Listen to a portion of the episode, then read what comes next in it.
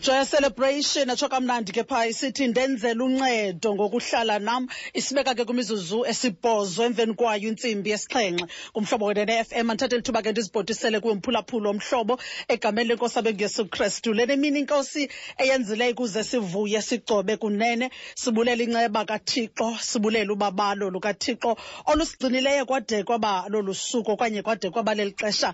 Endithembayo ke into okokubana xa kuphela le mpelaveki wonke ubani nobe sendleleni nobe sekhaya eh xa silijika ilanga kurhatyela sinayo imibulelo eh senkosini ngokuba uthixo sicwe esithwele. Igama lam ndingulali itokhwe ukanti ke yona ithi mvuselelo kumhlobo. Ndilapha ke ndime ezihlangwini zakhumacwanini noma evakalisa ndakuba kunye nawe mphulaphuli xa kule xesha kude kubethe laa ntsimbi yeshumi. Ndibulele kakhulu ke phaa kumkho eh kwinkqubo eh kuphendlo ndaba eh, ndaba ke umhlobo ndibulele napha kulondaba wethu ngeendaba zentsimbi yesixhenxe. Eh masilungise ke imicimbi yesekhaya xa ixesha imizuzu isithoba emveni kwayo intsimbi yesixhenxe kumhlobo wenene FM phulaphula imvuselelo kumhlobo wenene FM okanye ke mphulaphula ubusanda ukusijoyina enkqubeni. Siyakwamkela kwinkqubo imvuselelo kumhlobo eh sakuba nawe ke kubethela ntsimbi yeshumi. Eh sizawuthi ke mphulaphuli ngoku siye emthandazweni. Sithi kuthixo ngale mini nangokuhlwa nje silapha. Eh ithi ibhayibhile uthixo kuhlala ezindumisweni zabantwana bakhe. Kubalekile ke into kokubana eh simbize simamkele eh njengothixo ukuze abe kunye nathi kuyo le nkqubo. Eh sithembayo into kokubana ke lixesha lokokubana ke umphefumlo wakho lixesha lokokuba kuphile eh umphefumlo kuphile ingqondo kuphile inyama. Lithi ilizwi likathixo uthumele ilizwi lakhe yena ukuze asiphilise kuzo zonke izifo zethu. Nanamhlanje ke simthembile ngelizwi lakhe uyawuphilisa lowo ungolerekileyo emphefumleni nalowo ungaphilanga enyameni. Masiyeke phaa kumadodana ezawuthi ke wona ke eyona nto inexabiso xa sizawuthandaza. Tsho kamnandi ke phaa madodana sithe eyona nto inexabiso. Besisamkela ke eh amadodana akhoyo apha kunye nathi estudio enkqubeni yemvuselelo. Eh wona ke asuka phaa kwibandla lamawesile methodist church eh PE region ke leyo eh sihleli nayo apha namhlanje. Inkqubo yethu ke yanamhlanje nomehluko ngokuba sakube sikunye nabo. Eh ukhona ke utata wethu utata uJafta nguye kozawuthi ke asivulele lenkonzo yanamhlanje nale nkqubo ngomthandazo. Tata siyakwamkela enkqubeni sibulise egameni lenkosi engesu kristu. Inkosi mama siyabulisa kakhulu. Masithandaze. Amen. Unguthixo onenxeba engazange iphele. Thixo wethu olungileyo. Thixo wethu onamandlonke. Sisondela kuwe nkosi sizowuvuma oba thina singaboni emhlabeni? Yaye sinetyala okunene. Qala ngathi nkosi uxolele izono zethu kuze thixo wethu olungileyo ubone izwe lako wethu uxolele izono zalo. Thixo wethu olungileyo thixo namandlonke.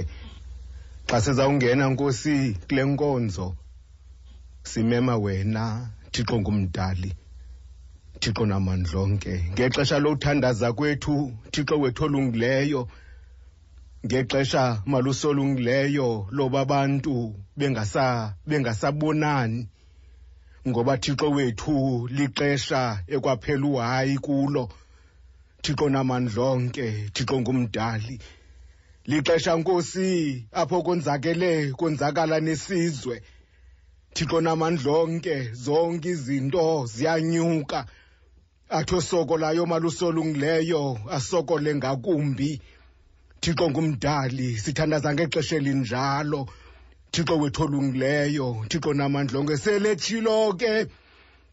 Umculo wakho nkosi xa besivula wathe yona nto nkosi inexabiso. Thixo wethu olungileyo kobu ubomi sibudlayo. Asiyi impilo nokonwaba malusolungileyo. Kodwa kukuthwala nkosi owakho umnqamlezo siwuthwale nkosi ngengqobhoko thixo wethu olungileyo thixo namandlonke. Ngoba nkosi inzondelelo kukuphila njengelunga.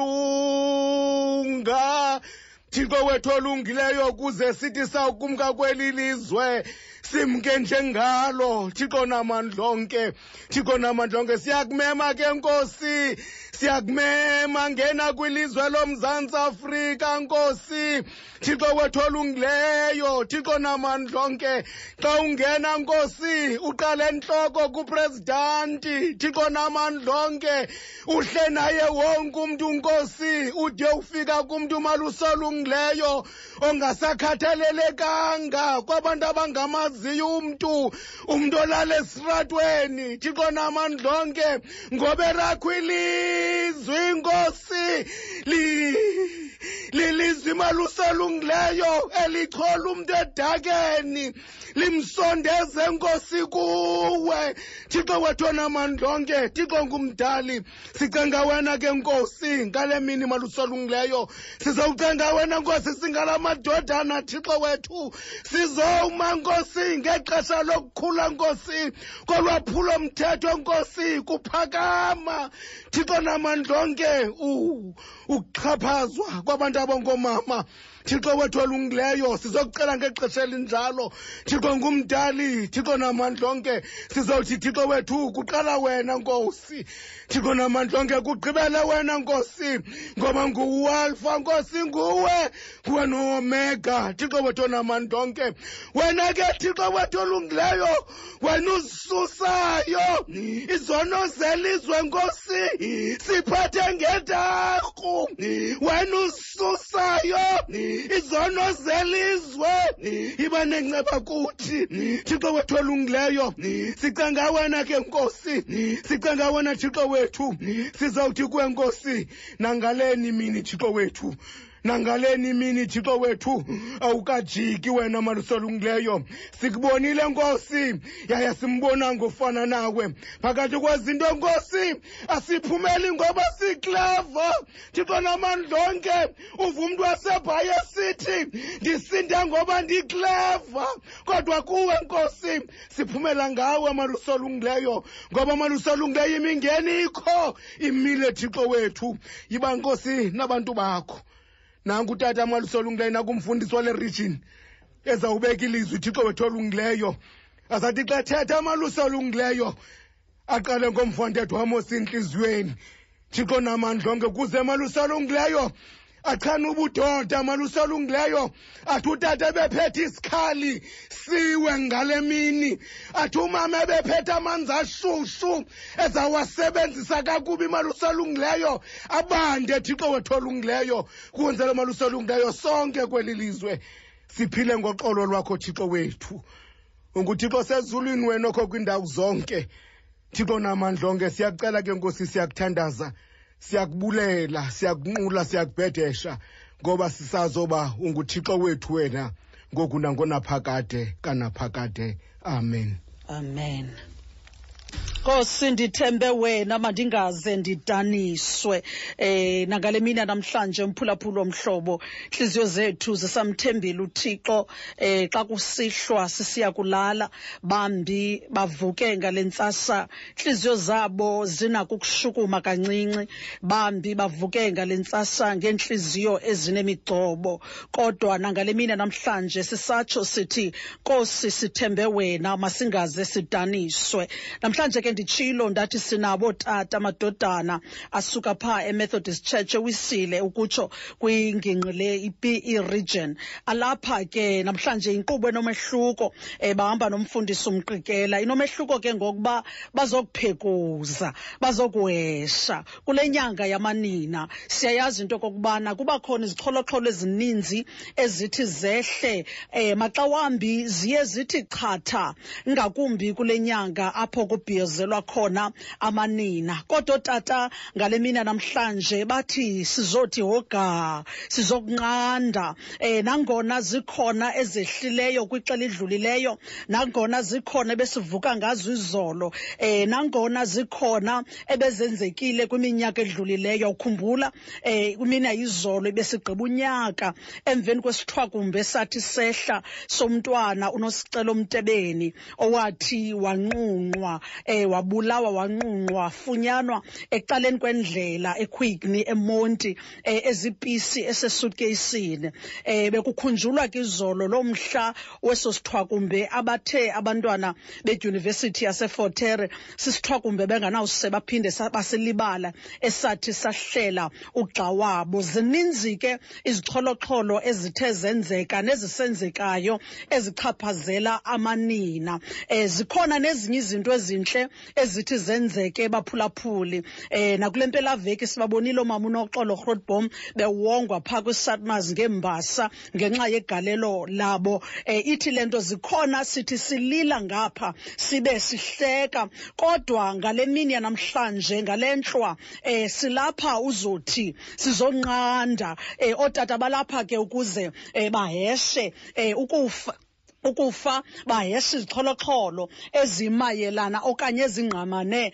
nabantu ababhinqileyo ezithi ke zenziwe ingakumbi ngabantu abangootata kule nkqubo namhlanje ke sithe mayibe nomehluko um ukwenze into yobana utata kathethe notata ngoba sazi mhlawumbi xa ootata ingaba bathethayo abanye ootata bawukuva. Mhlawumbi thina singxola kakhulu side singavakali. Sizawuyela elizwini lenkosi ke fundisa umqikelo ukhona ukuze asityhilele ilizwi lanamhlanje. Bendifuna ukuthi ke kuwe mphulaphuli uyazi into okokubana namhlanje yinkonzo nemvuselelo enomehluko apho kuzokuhesha. Into emnandi ke ngayo ngootata bazohesha besithi kwabanye ootata kwanele ngoku. Fundisa umqikela siyakubulisa sikwamkele enkqubeni. Eh, molweni mama. Amen. Sithabatha isifundo sethu kwivangeli engcwele ngoku ubhalwa nguluka isahluko ngamashumi mabini anesibini sizawufunda nje umqolo wamashumi mane anesixhenxe sinqandwe ngulaa mqolo wamashumi mahlanu ananye ke kaloku akubona ukuba usathetha kwathi gqi indimbane wayenalowo kuthiwa nguyuda omnye weshumi elinababini ehamba phambi kwabo. Wasondela ke uyesu eza kumanga. Utheke uyesu kuye yuda umncatsha unyana womntu ngokumanga na. Ke kaloku abo babemphahlile bakubona okuza kuhla bathi kuye nkosi sixabele nangekrele omnye kubo abo wamxabela umkhonzi wombingelelo omkhulu wamnqamla indlebe yokunene. Waphendula ke uyesu wathi yekani kwanele wayichukumisa indlebe yakhe wamphilisa. Lilizwi likathixo eli ilizwi eliviwa bubumnyama bubaleke. Sonkqonkqoza ngalo kumasango ezulu. Ewe nkosi. Sowubulisa ngalo kumkhosi wezulu. Yangakho inkosi yoxolo inkosi ehlala emazulwini. Mm. ehlala ilawula ngawonke amaxesha ingakusikelela ukufunda kwelizwi layo. Isikelela intliziyo ezili- ezilamkelayo nazo zonke iindlebe zilivayo ngoku kude kube ngunaphakade. Amen. Amen. Mandithabathe lithuba ndibulise kusisilali neqela lakhe amadodana wonke epi iregion endihamba nawo nabo bonke abaphulaphuli bomhlobo wenene. Naye wonke umntu olivayo noloyika ilizwi likathixo ngokuhlwa nje ndiyabulisa kuye wonke umntu egameni lomfeli nomvukeli wam onguyesu kristu ndithi kuni nonke molweni. Amen. Ndimapha ke mna sisilali nje ngenkwenkwe ekhomba indlela kula madodana endihamba kunye nawo. Kule ndawo ebesifunde kuyo kaluka chapter 22 verse 47 to verse 51 sizawuncokola ngala mazwi alapha kuverse 51 kukho amazwi apha awubuyisayo umphefumlo wam athi waphendula ke uyesu wathi yekani kwanele. Mm. ndivumeleni baphulaphuli ndiyayiqonda into okokuba wonke umntu uba zindlebe. Ndingayi kumbhali wale ncwadi nanjengoko izichaza okokuba ivangeli ngokubhalwa nguluka. Ndivumeleni ndingene straight kwisetting. Sisegetsemane. Ngobusuku uyesu athandazayo ubusuku bokugqibela phambi koba axhonywe emnqamlezweni. Mm. le ndawo igetsemane yindawo uyesu ebeyisebenzisa amadodana eh ukuze athandaze kuyo. Apha egetsemane bathathwa abantu endibabhaqayo okanye zintathu iigroups endizibhaqayo umntu wokuqala endimfumanayo apha nguyesu. Ukho uyesu apha egetsemane owesibini umntu okanye abantu besibini abakhoyo apha ngabadisipile bakayesu. Baze abantu besithathu abakhoyo ibe ngamasoldathi athi lo mbhali wale nguquyelo yesixhosa indimbane kwakunye nojudasi. Sawuphawula ke into yoba ujudasi akakhankanywa kunye nabadisipile. Ngoba uthe akumka kuyesu wayeka ukuba ngumdisipile. Wabalwa kunye namasoldathi zihlobo zam nabantakwethu. Kusemveni kokokuba uyesu eyalele abafundi bakhe okokokuba mabathandaze ukuze bangangeni ekulingweni kodwa ingozi eyenziwe ngabafundi bakayesu yinto yokokuba bathe endaweni yokuthandaza basuke bona balale. Uthi kuluka into ecinga into yokokuba ebenza okokokuba bazibhaqe belala. It is because they, it is because they slept from their sorrows. They were, they were emotionally exhausted. Ngokocinga into uyesu azawugqitha kuyo babengayamkelanga into yokushiywa kwabo nguyesu abafundi bakayesu babengayamkelanga ingozi ke into yokungamkeli xa kufuneka imeko yenzekile. Yenza ke loo nto leyo i-depression at times i-depression results in weariness. Apha egetsemane sibhaqa isimanga emveni kokokuba kufika indimbane ndizama abazalwane bam ukukhawulezisa ukwenzela into kokuba ndinike nina. Ayilolam elitheko kodwa lelenu. Uthi ke uluka bathi abadisipile xa bekubona okuza kwehla. Babuza okokuba nkosi sixabele ngekrele na? Uthi uluka their question was not a request for permission rather an announcement of the action they intended to take. Ingozi abayenzileyo abadisipile bakayesu abacelanga permission uthe uyesu Ah. engekaphenduli wasuka omnye umdisipile angambizi ngagama uluka kodwa uthi xa ufunda ivangeli kayohane athi uyohane ngupetrosi Petros. lo wenza le ngozi yokukhupha ikrele acabele. Elinye elinye isoldathi ali- alihlabe alihlabe endlebeni. Ingozi eyenziwa ngupetrosi ndifuna ke sijonge apha okokuba umqabeli lo nanje- njengokuba esenza le nto nje ungumntu osondeleyo kuyesu kwaye futhi le nto ayenzayo uyenza endaweni yokuthandaza. Khumbulani bendithe uthi le ndawo iyigetsemane iyindawo yokuthandaza. Yonke le nto le nkqulequ yenzeka pha yenzeka endaweni yokuthandaza Ah, in the presence of jesus.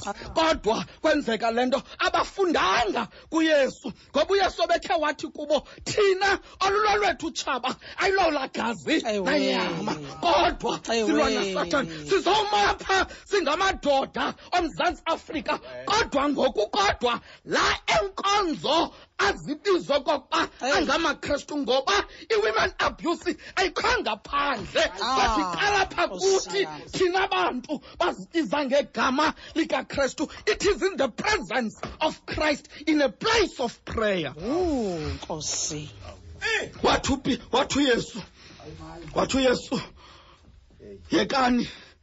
Kwanele. Sizawuthi kuni? Madoda. Kwanele. Kuthi xa kukubi umntana xa mmosha uyayekwa mosha. Kodwa athi umntu obonayo neliso lokubona aphakama athi noko ngoku kwanele. Uyanqanda uyesu. Uyanqanda uyesu madoda sikizila ntoneli silenzayo. Sasiyifundiswe phi le nto siyenzayo? Yothi endaweni yokokuba sibe nezidima kodwa izidima zethu sizikruqe Oh, phantsi ngoba uthi uthi uluka zange bayamkela into yokushiywa one of the dangers sizilali xa ufunda ulandela Mm. ezi incidents zokuxhatshazwa kwabantu ababhinqileyo le ubugqiba uthetha ngayo Mm. yalo mntana wasefote yindoda engazange ifune ukwamkela Mm. ukushiywa Mm. umkela ukushiywa Mm. wathi kuyesu wathi uyesu kwanele ngozi yokuqala pha upetros ayenzayo it is to fight a wrong enemy with a wrong weapon usebenzisa ikrele ikrele ndithe xa ndilandela ithi ibhayibhile ikrele it's a weapon which is used to defend Mm. Kodwa yena zange athekwe. Uthi xa ufunda ibhayibhile awubhaqi indawo ubuzile babuzile okokuba siqabele ngekrele na? Akukenziwa nto waqabela Mm. and okwesibini upetros apha reveals a wrong attitude and trusted a wrong energy. Ndikhula ke mna usithiwe induku ayakhi. Eyesibini okwesithathu this whole approach ayenzayo apha upetros was not christ like manje ngabantu abazibiza okokuba bangamakrestu kumele into yokokuba sihambe sinyathele ekhondweni likakrestu sizowuthi ke ngoko yekani madoda? Ngoku kwanele. Sizowususa umsantsa sizo- sizosusa. Le nto ekhoyo phakathi komfazi nendoda. Ngoba uthixo wathi xa badala babantu wabadalela okokuba bahlale benokonwaba. Xa ndigqibezela ke sisilali phakuthi elalini ndibaliselwa ngamakhwenkwe olusa iigusha athi ngenye imini ayekhangela igusha ezi gusha angazifumani xa bebuza kumntu bathi zibheke ngaseluweni bathi xa befika phelweni babona intaka. Ndanoba uyamazi unoyenge le ntaka iphakame ishukumisa amaphiko. Mm. ngokungathi ixakwe kubhabha.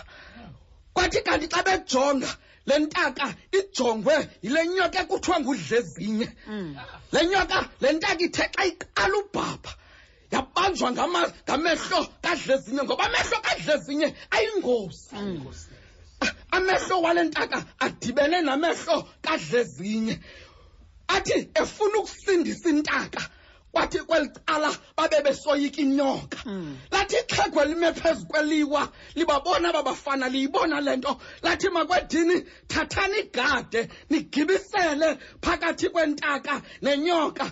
Izawuthi inyoka xa ibona igade lidlula iphazamiseke ifocus yayo ibe segadeni. Sizowuphosa igade elingukrestu phakathi kwendoda nomfazi. Khona ukuze le nto ekhoyo singayaziyo singakwazi ukuyibiza. Ngagama ngoba siyazi thina madoda okoba isuke. Kodwa imbi kumele into yokokuba siyiyeke ngoba utsho uyesu ngokwakhe. Wathi yekani kwanele.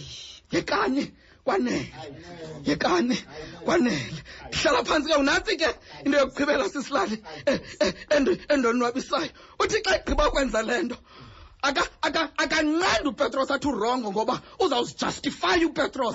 Akafuzo kokuba bekuqalele futhi yekani kwanele sawugqibathi wayichukumisa indlebe yakhe wamphilisa. Ewe ewe ivangeli kaluka xa uyifunda noba uyiqala ngasentla Mm. noba uyiqala ngasezantsi uyi- uluka umzoba uyesu ngomsindisi njengomsindisi wabo bonke abantu. You'll remember mos okokuba aba bantu lo mntu uxatyelwayo ngomnye wabantu abazobamba uyesu. Mhm. kodwa uyesu akathi kube athekwa amyeke. Kodwa as, as he says as he says yekani madoda kwane uthabatha indlebe Ah. wayibuyisela. Ah.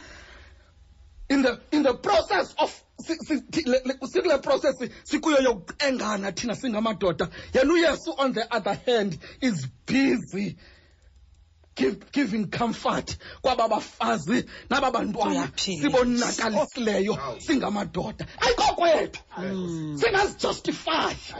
Kodwa simamele ilizwi elithethwa nguyesu esithi yekani kwanele. Ayikokwethu nguye uyesu ozawuphilisa. Ah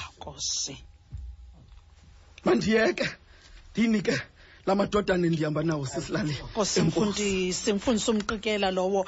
Phulaphula osanda ukusijoyina enkqubeni yemvuselelo ngale ntlwa namhlanje lizwi lethu ke apho sime khona sime kanye apha kule ncwadi kaluka isahluko samashumi amabini anesibini ivesi yamashumi amane anesixhenxe. Ukuya kwivesi yamashumi amahlanu ananye. Kodwa umno wethu siwubeke phaa kwivesi yamashumi amahlanu ananye verse 51 apho uyesu wathi yekani kwanele. Wayichukumisa indlebe yakhe yaze ke wayiphilisa. Ngale ntloya namhlanje nditshilo ndathi um ootata balapho ukuze um bahlaba ikhwelo bathi kwanele. Yekani madoda ukuhlukumeza amabhinqa. Yekani madoda ukuhlukumeza abantwana. Kwanele kukho into endiyithandayo ke mphulaphuli omfundisi umqikela ithethayo uthi apha uqaphela yonke le nto yenzeka egadini egetsemane. Kwindawo enobukho bukathixo kwindawo ababethandaza kuyo. Le nto upetros ayenzileyo kweli joni uyenze ekhona uqaphela ke le nto umfundisi uthi namhlanje yena uhesha kanye amadoda lapha endlwini kathixo.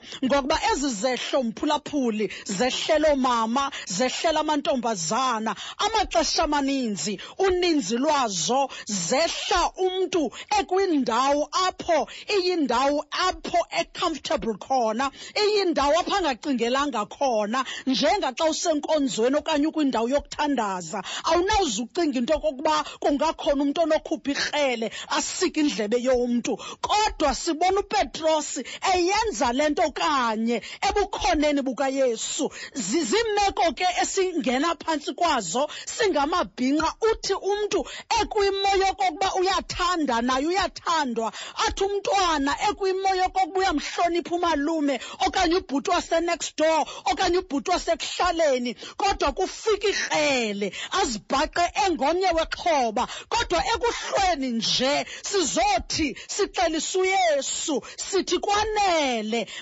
mayiphele le nto. Udade umfundisi umqikela asikwazi nokuyibiza ngegama. Ukanti ke mphulaphuli ngoku ixesha imizuzu ilishumi elinesithathu phambi kwayo intsimbi yesibhozo. Siyaqhubekeka ke mphulaphuli ekhaya sihesha umoya wokudlwengulwa sihesha umoya wokubulawa sihesha umoya wokuhlukunyezwa kwamabhinqa. Ukhona kutata umjogolo uza kungqina kweli lizwi namhlanje. Sithi yekani ngoku kwanele.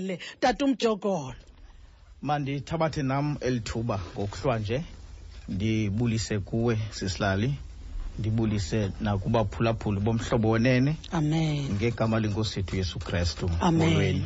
molo tata. Amadodana endihamba nawo eh ngokuhlwa nje nawo ndiwabulisile nam torhwana ke ndizawungqina phantsi kwamazwi amakhulu kangaka esiwafumana kwincwadi kaluka ngesahluko samashumi amabini anesibini ngevesi yamashumi amahlanu ananye uyesu sithi isihloko ndaba phaa uyesu uyabanjwa. Uthi umfundisi ke xa ebefunda apha waphendula ke uyesu wathi yekani kwanele.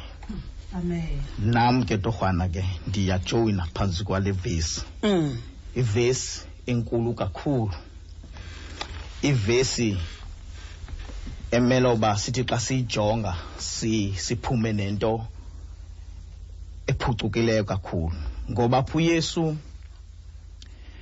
usibonisa into esingakhange siyicinge seletshile umfundisi ukuthi imeko ingathi imeko ingekho normal but uyesu yena ayenze imeko ibe ngathi normal.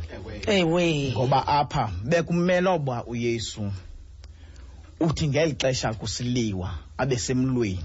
Eyi. But uyesu apha yena uneprogram yezulu ayiphetheyo. Ewe. Njeba nje abazalwane bakhe aba ahamba nabo bengayiqondi mhlawumbi beyilibele program iprogram ayiphetheyo uyesu. Mm. ngokuchukumisa indlebe yale ndoda uyesu Mm. uzobakhumbuza uba yena weza kufuna nokukhangela oko kulahlekileyo. Ewe tata. Ngoba ebesazi oba eli udabi lanamhlanje egetsemane ayiloo dabi lakrele nto nayo lidabi lakamoya ewe. Simva ke xa ethetha. Mm. eh ethetha okanye ezama uba imeko ayingqamanise neprogram ayiphetheyo. Phezu komlombo ejordane phambi koba kwenzeke nantoni na phezu komlambo wejordane lamngqina izulu lamkhonfema uyesu. Emveni koba ephuma emanzini ebhaptiziwe sava kusithiwa lo ngunyana wam oyintanda endikholisiweyo nguye mveni yena. That is why uyesu namhlanje ekwazi ukuthi izinto zingekho normal azenze zibe ngathi zinormal ngoba kaloku ubethwe egxeni lizulu xa ephuma emanzini madoda yiyekeni le nto Hey. kwanele.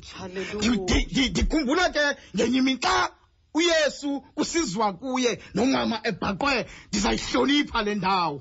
Umama ebhaqwe ekhwela ibhayisekile endlini.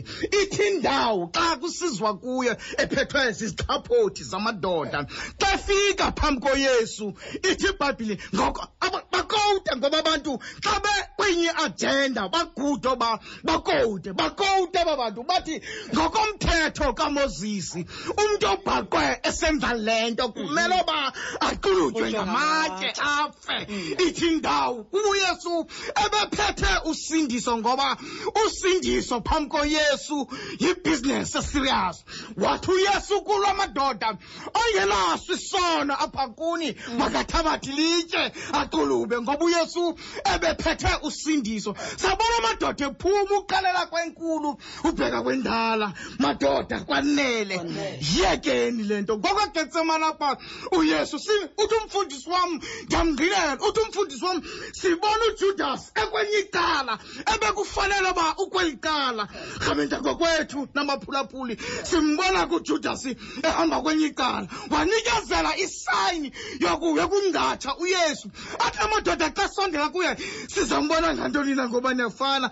Uthi ujudas endithe ndamonga ze oba nguye lowo kodwa xa efika xa efika kuyesu bathi abazalwane xa bezawuxabela ba abafumana permission kuyesu. Baxabela kodwa uyesu simndimthanda uyesu xa ephilisa ngoba uyesu waza kuphilisa. Simthanda uyesu xa ephilisa. Waqhukubisa indlebe yale ndoda.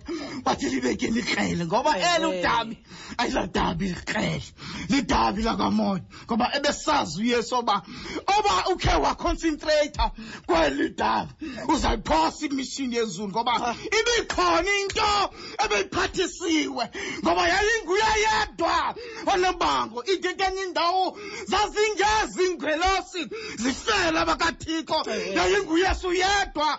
Oyamele oba bakafele abantu abakathixo ngoba uthi uisaya xa saphiliswa thina ngemivimba yakhe. Ewe, sasilahleke sonke. Elowebheka kweyakhe indlela kodwa ngaphiliswa ngemivimba kweyesu. Sizothi ke kuseni nje kumadoda sizothi kuse emveni kwemini nje kubantu abangootata balapha esouth africa. Masiyekeni le nto ngoba ayisifanelanga masinqandaneni. Ewe, Nkosi. masiyekeni le nto ngoba ayiyonto yethu? Rhabeta kokothi mnanaba senza into eqala ngumateyu ngesahluko sesihlanu kwivesi ezingezantsi athi nina niyityiwa yehlabathi.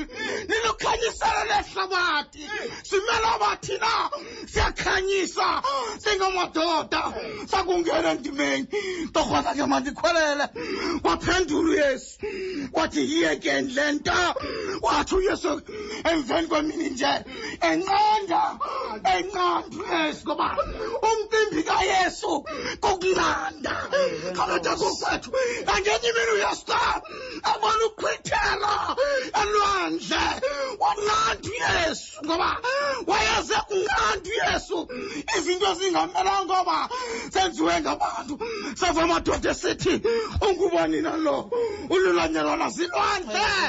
Ungubani nalo ngoba akanagama okanye uyesu uzizinto zonke. Uthi akuthetha uyesu indalo siquqe kuye ngoba unguyesu. Ekuseni nje ethe emveni kwemini nje sizothi ke kubantu abangootata siyazalana mayiyekwe le nto ngoba siyazalana mayiyekwe le nto ngoba singabantu abanye. Mayiyekwe le nto ngoba ingumkhuba ombi. Kabenta kokwethu uyesu. Uyabanjwa uyesu kodwa xa yabanjwa uyesu wabanjwa uyesu enqanda. Wabanjwa uyesu ephilisa ngoba uthe kuyikhomisa indlebe yale ndoda. Yaphila. Hallelujah. indleba yale ndoda. Nale ndoda yazazi ingumntu ebantwini. Ngoba yayinguye. Onebango yayinguyesu yedwa. Onebango yayinguyesu yedwa. Umntu athi meko ingavumi. Ayenze ivume. Abetha kokwethu emveni kweminje nje sinjengamadodana akaregion one sizowuthi oha! Sizothi oha! Ewe, Nkosi. abetha kokwethu mandikholela ke sisilali nkosi. Nkosi kakhulu. Nkosi sizothi kwanele sizothi kwanele mphulaphuli eh ngokuba nguyesu kuphela onokusikhupha nakuleli ngxokolo ngokuba eli dabi sikulo ayililo idabi lenyama negazi eh koko lidabi likamoya. Yiyo loo nto ke sisithi xa sinqanda sinqanda sinqanda uthe umfundisi sisithi ukhona uyesu ongakwazi into okokubana asincede kule meko sikuyo. Sibheke evenkileni ke mphulaphuli xa sibuya eh sizawubuya sibe sesizawuya ke ezindabeni. Kodwa masiqale ngapha kanti ke ngokumphulaphuli siye nomzuzu nje omnye phambi kobana siye phaa ezindabeni zentsimbi yesibhozo. Um kanti ke xa sibuya ezindabeni sizawuza kuwe ekhaya ku-089 410 umno wethu ke siwubeke phaa kule ncwadi kaluka chapter 22 verse 51 waza ke uyesu wathi yekani kwanele. Wayichukumisa indlebe yesixaka eso yaphila. Siyaphekuza ke sithi hoga kwanele ngokuhlukunyezwa eh sithi kwanele ngokuhlukunyezwa kwabantu ababhinqileyo. Kunjalo nje bantakwethu masikhumbule into ethi siyazalana. Siyezindabeni ke zentsimbi yesibhozo. Phulaphula imvuselelo kumhlobo wenene fm sibeka ke kwimizuzu esibhozo emveni kwayo intsimbi yesibhozo kumhlobo wenene FM sibulela kakhulu ke phaa kuthangana aphakamakato ngeendaba zentsimbi yesibhozo. Aphinda buye ke ngentsimbi yesithoba esiphathele kwa indaba. Kanti ke inkqubo eh, yona ithi mvuselelo kumhlobo. Igama lam ndingulali tokhwe ndilapha ke ezihlangwini zikamacwanini smons eh, nomonde evakalisa eh, ukanti ke sawuthi chu nawe kubethela ntsimbi yeshumi mphulaphuli eh, ukanti ke phaa ngentsimbi yeshumi eh sizathi xa sehlukana besekhona kukhwalo domza maswana nomculo wejazz eh ukanti ke phaa ngentsimbi yeshumi elinesibini xa seyeka yena uyawuqhuba ke elindele uzize phaa kumxholo eh sinaye ke umfundisi phaa emnxibeni umfundisi usiko eh mfundisi wam siyakwamkela epotchestrom sizilali Kunjani nam- naphulaphuli ewe tata. Bomhlobo wenene. Ewe tatam ebusuku nje ndinibulisile ewe tata. Ngegama lenkosi yethu nguyesu kristu molweni molo tata. Ndibulisile sisilali kumfundisi olapho kunestudio. Mm. Nomkhosi wonke ahamba kwakunye nawo. Amen. Ebusuku nje ndiyajoyina amen. Ndiphulaphule le vesi sisilali nabaphulaphuli bomhlobo wenene. Xa iphela lo mbhali uthi waphendula ke uyesu wathi yekani kwanele. Mzomhle wobulela uthixo. Ku kusemva kokuba uyesu ebelumkisa upetros uthi lo mbhali xa egqiba uyesu ukulumkisa upetros beza abafundi bakhe kuye bephethe amaqela amabini. Andiva sisilali nabaphulaphuli bomhlobo wenene. Uyesu esithi kula madoda la mahlelo emabini niza nawo kum umsebenzi wawo kukuthi nokuthi kodwa xa ephela uverse 38 ithi impendulo kayesu kubo kwanele imfazwe nemfazwe sisilali Mm. i- ine-weapons zayo Ewe. imfazwe nemfazwe inezixhobo ezimiselwe lo mfazwe kodwa ndiphulaphule umfundisi ebusuku uthi noxa imfazwe nemfazwe ine-weapons zayo kodwa leni imfazwe Mm. ayizidingi zonke zo-weapons Ewe. kodwa le imfazwe idinga nje sibheke emadolweni sithi xa Nkosi. sifika emadolweni sicenge namandla. Sithi xa sifika emadolweni sicenge ophezulu sithi xa simcenga ophezulu sithi kwanele. Ewe Nkosi. lixesha ngoku lokokuba indoda nendoda baphulaphuli bomhlobo wenene. Ixesha lokokuba indoda nendoda ithi mayiqale kum le nto. Nokokuba indoda nendoda ilimana ukuthi i don't do it mna kodwa indoda nendoda mayini ibe ngumzekelo phambi kwamanye amadoda ithi masinqandane Ewe. ngamadoda Ewe. indoda nendoda lixesha lokokuba ngabana sisilalile abaphulaphuli incede enye indoda ithi mayiphele le nto yokuhlukunyezwa komama nabantwana indoda nendoda mayincede enye indoda wathi uyesu kubo kwanele ndindirhalela nje ukutsho sisilali Ewe tata. ngabaphulaphuli bomhlobo wenene ukuthi indoda nendoda mayibe ngumzekelo. Ewe. indoda nendoda. Mayiqiniseke uba enye inqande enye. So that zizowuphela ezi incidents ezimane ukuziva esimane ukuzibona. Ezinye Ewe. zimanye unyezi ezinye zishiya amehlo ezinye ziyasothusa. Ngoba le nto yinto entsha kwisizwe sethu. Isizwe simnyama. Asazani nayo le nto kodwa ngoku ithetshele yaye ngoku ininzi kuthi sizwe simnyama. Asiyiva le nto kwezinye izizwe. Ah, kodwa ininzi kwisizwe simnyama. Yile nto kanye kumele siqale ecaweni. Sicenga amadoda asecaweni. Nkosi. amadoda asecaweni aphume abheke ngaphandle awunqande amanye amadoda izikhule le nto izinwelwe le nto izeyande le nto yokunqandana njengamadoda Ewe Nkosi. wathi uyesu kwanele Amen tata. sisilali nabaphulaphuli it is high time that we are saying let's stop this. Eh, Ewe tata. yaye when we say let's stop this singaneli nje to say let's stop this. Ibe yinto yomlomo a lip service. Because once siyenze i-lip service le nto akuzobakho application in it.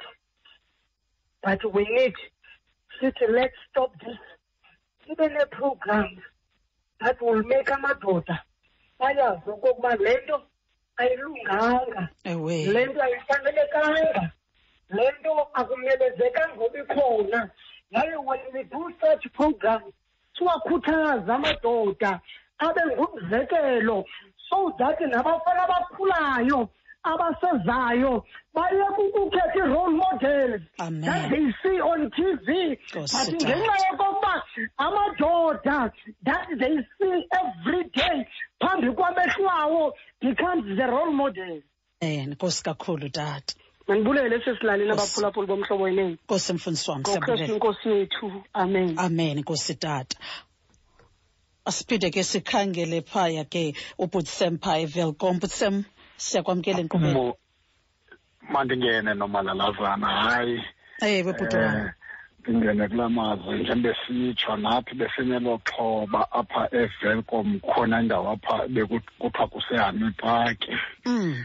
eh le le le ntombi ibibulewe yi-boyfriend yayo Mm.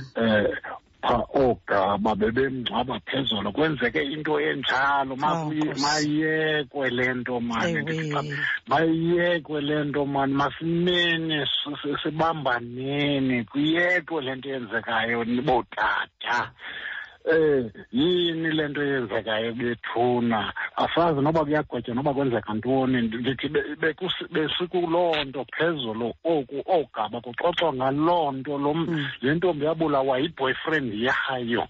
Hayi ke ndingalibazisi bethuna masithandazeni. Iyekwe le nto ewe tata enkosi tata nkosi kakhulu but sam um ukhona kanti ubut franci yena pha emnxebeni molo tata? Sihlali. Ewe tata ndiyakuva right mandleni enkosi ewe ndirayithi tata um sihlali siyafuna ukuthi kwanele ewe tata. It is enough. Funeka iphume kuthi thina madoda. Ewe.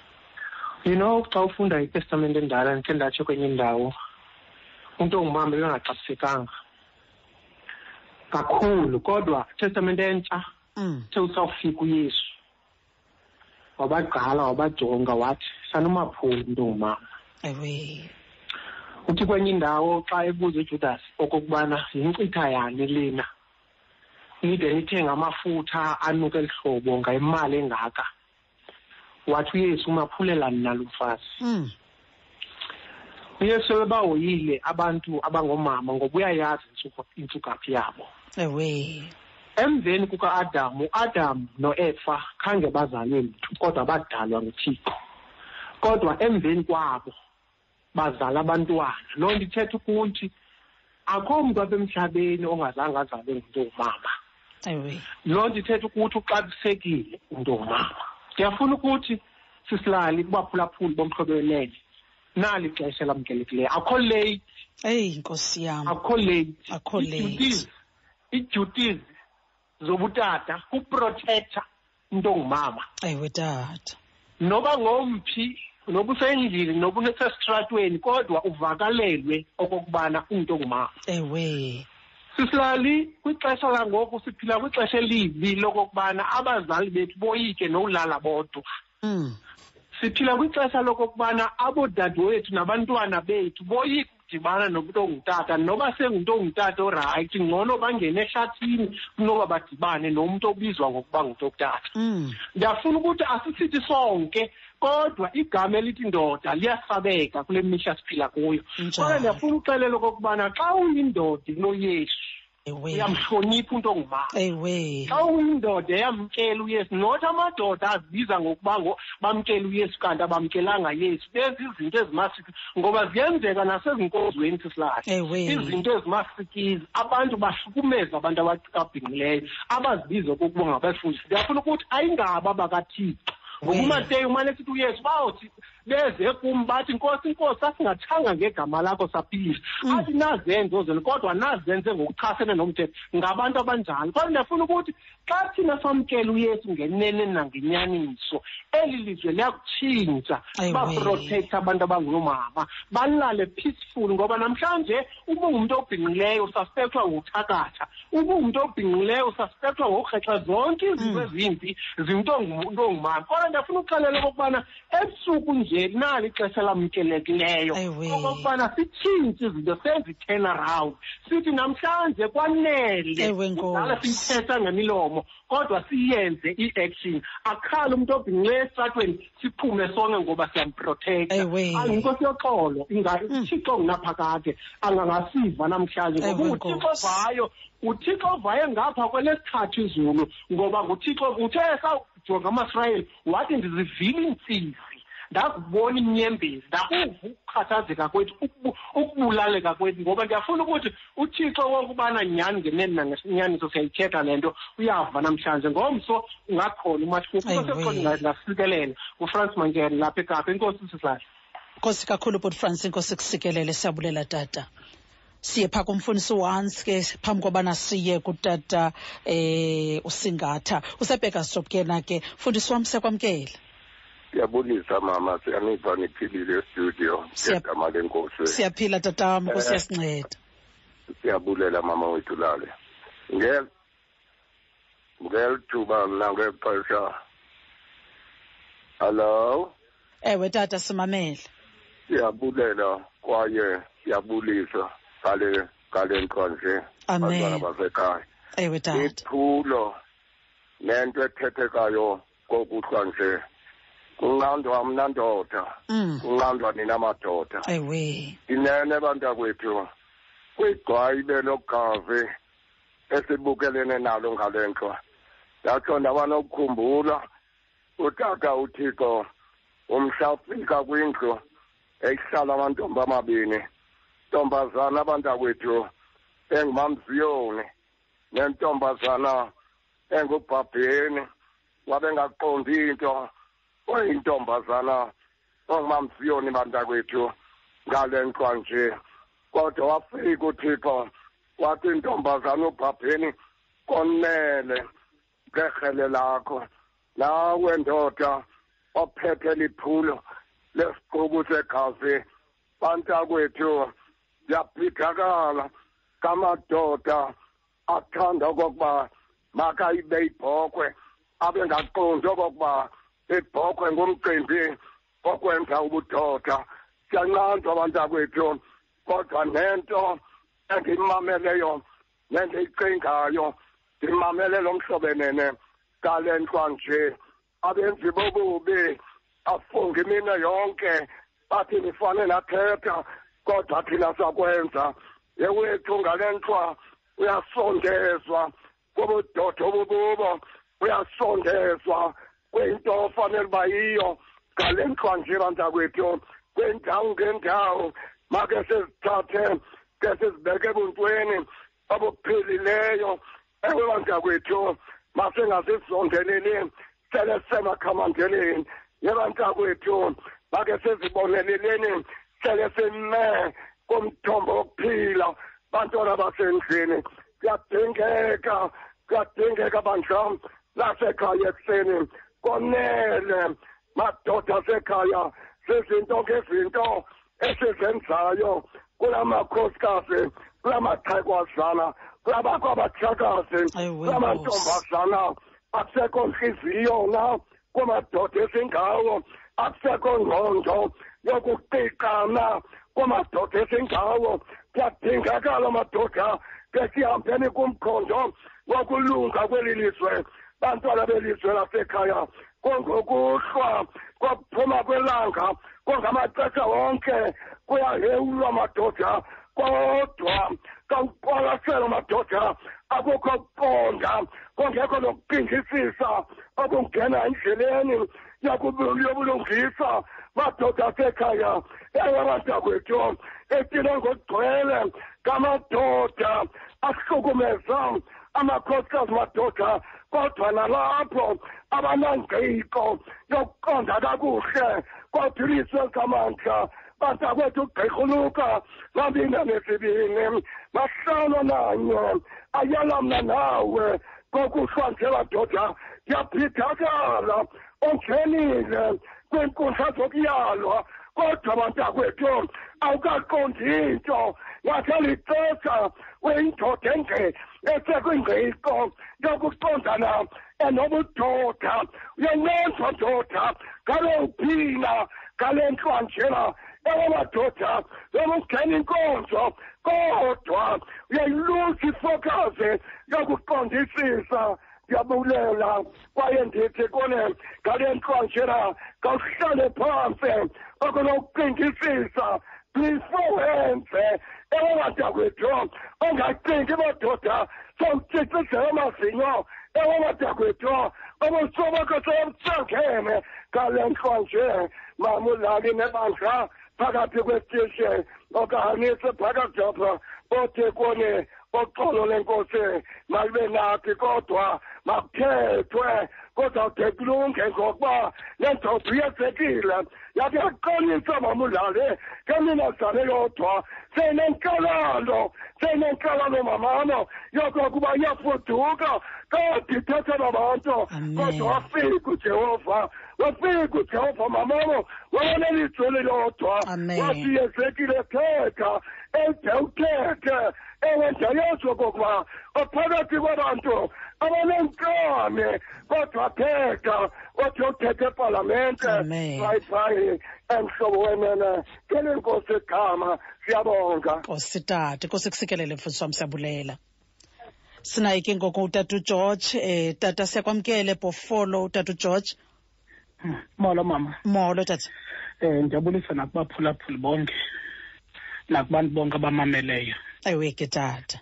Um ndiyaliva eli lizwi yekani kwanele. Ewe apha kweli lizwi sibona uyesu ebaleka istigma esinothi ba unoyeka ezi zinto zenzeke in his presence mm.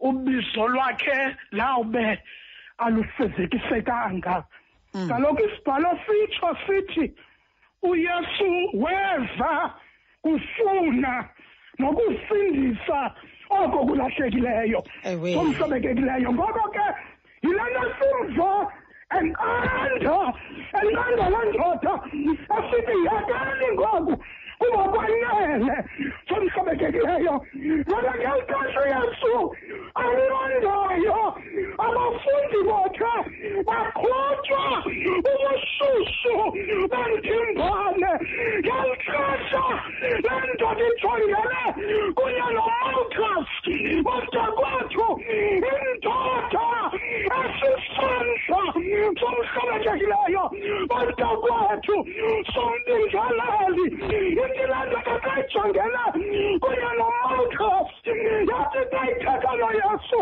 yile nto sasithi umsindisi esithi wabusa ukuba nkosi sithumelela kuba ngeli xesha atshoyo yena ubani ivictim elakhe ivictimize somhlobekekileyo baxakwethu somhlobekekileyo wathi yesu xa ilanda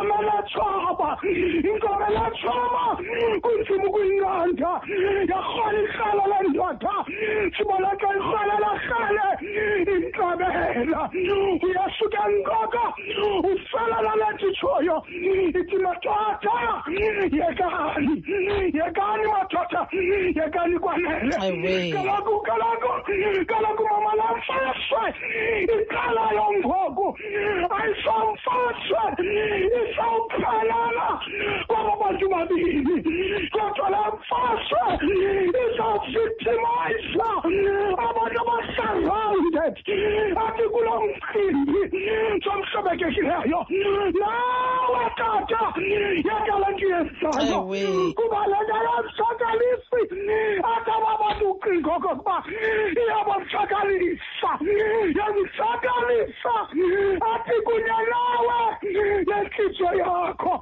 Sokusebenzekileyo kaloku basolwane. Khumbulani andibanjwanga asisilingwa sisesamntu ndinaxa apho kuzawuthi khona kuhlala uthixo athembekileyo. Uthixo wethu angasayi kufumana sibanjwe sizilingo ezingaphasi kunesilingo ezisibambile. Ezisibambileyo yekani le nto niyenzayo yekani yekani kwanele Ewe. yekani kwanele uyasiyanqanda Ewe. nqanda lemfaswe ayibonisa kwenzeka Amen. kukho abantwana surrounded apha efemelini abazothi xa umama notata besonzakalisana utata infact esonzakalisa umama kulakho abantwana abakhophozelekayo Ewe. ukarathi noba asalele umbone sothuka edubuliswini Ah. kanti umntana uvictimiswe into ayimane isenziwa athi ngutata wabe utata engafuna ukunqandwa ayekani basolwane yekani kwalele yekani kalele kaloku napawulas etolongweni bantakwethu onyanada bantakwethu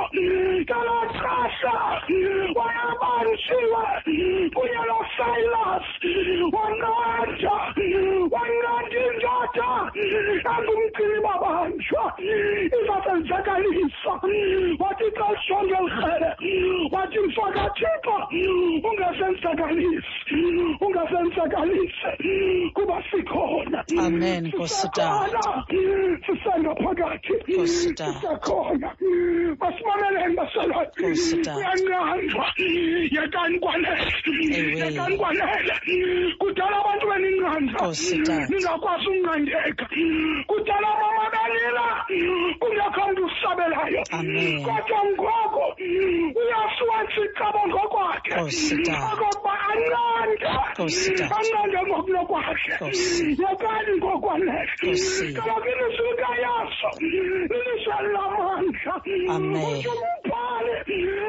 salidibali jathi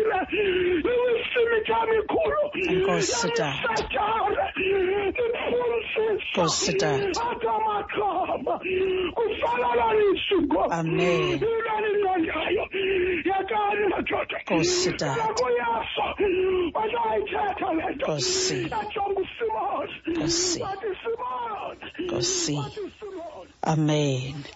Kanti ke mphulaphula ixesha imizuzu ngamashumi amabini anesibhozo phambi kwayo intsimbi yesithoba kumhlobo wene ne-fm sitsho ke phaa kwincwadi kaluka isahluko samashumi amabini anesibini eh sime phaa ke mphulaphula omhlobo. Kwivesi 51 sithi wathi uyesu yekani kwanele. Wayichukumisa indlebe yesicaka eso eh saphila eh wamphilisa uyesu. Sizaye engomeni ke ngoku xa sibuye engomeni ukhona eh utata usingatha nguye ke ozawuphinda ameke kweli lizwi eh namhlanje ke mphulaphuli nditshilo ndathi siyayesha sizothi kootata mabake baheshane mabake bame omnye atsho komnye athi kwanele. Ngokuba uyesu apha xa ethetha nopetros uthetha nopetros emnqanda ekusebenziseni ikrele ndinento ethi ke thina singamabhinqa belikhona ithuba kona khona amaxesha apho siye sibawele into kokuba ukuba besinawo amandla tata usingatha sibe kanti siyalisebenzisa irhele ukuzilwela. Kodwa ngenxa yokokuba sidalwe sangabantu abanentliziyo kathixo. Lithi xa lifika ixesha lokokubana sibawele ukuzithathela ngokwethu sizilwele. Kodwa sikhumbule into okokubana eli idabi ayililo idabi lenyama negazi. Thina ke ootata sime kwinto ethi uyehova uza kusilwela. Kodwa sifuna ukuniva nina ninqandana. Ngokuba amandla abantu abangamadoda thina sinawo. Thina sime kwinto ethi eli dabi ayililo elenyama negazi. Thina sima njengoyehoshafati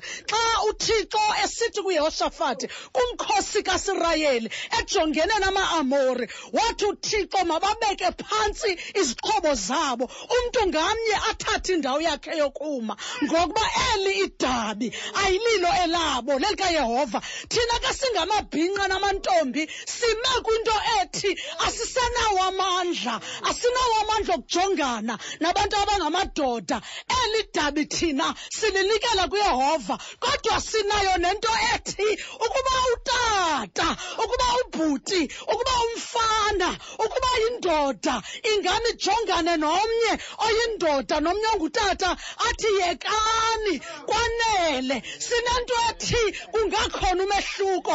Sihambile ezitalatweni sizinxibile iimpahla ezimnyama sizithwele iqhiya siziculile sewaphatha amakhandlela simatshile akukho nto singayenzanga siyenzile imithandazo. Kodwa ngokuhlwanje sizothi tata thetha nomnye utata uthi kwanele. Sizothi mfana thetha nomnye umfana uthi kwanele. Kunelanguage esingayaziyo thina yamadoda eyaziwa nini nodwa? Mhlawumbi uba bekuthiwa makuthetha oomama noomama besewukwazi. Thina xa nihlele ebuhlanti asibikho. Mhlawumbi ikhona le language singakwazi thina ukuyithetha enikwazi uyivayo nina. Kodwa kuhlweni nje siyakhala sithi kwanele. Yini na? Ukuba isikhalo sethu singavakali. Batsho ke phaa okay qongqo esithi ke na ke sinelizwi likathixo sinobomi ngalo. Ngenene sinelizwi likathixo mphulaphuli. Sinobomi ngalo. Siphako kumizuzu elishumi lesithoba phambi kwayintsimbi yesithoba kumhlobo wene FM ukhona ke selengxangile eh utata usingatha ngale mini yanamhlanje apho sithi kwanele. Tata siyakwamkela enkqubeni sibulela ngexesha lakho. Enkosi mama nam mandibulise bonke abantu bakathixo umfundisi umqikela ootata amadodana. Nabo bonke abavayo abaphulaphuli bomhlobo wenene. Nam mandibulise ngelomfeli nomvukeli uyesu krestu molweni. Amen.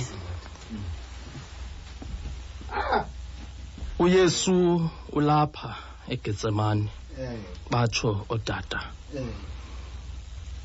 Uyesu ulapha egetsemane. Uke uyesu wanamazwi awathethayo. Wathi umoya wam ubuhlungu ngokude ndife ndide ndiye ekufeni. Ngoba uyesu uva ngaphakathi. Ngoba umntu onelizwi likathixo zithi izinto zingekenzeki umoya kathixo amtyhilele Mm. mveni emthandazweni wakhe esentabeni. Wathi bawo ukuba uyavuma. Mayidlule le ndebe.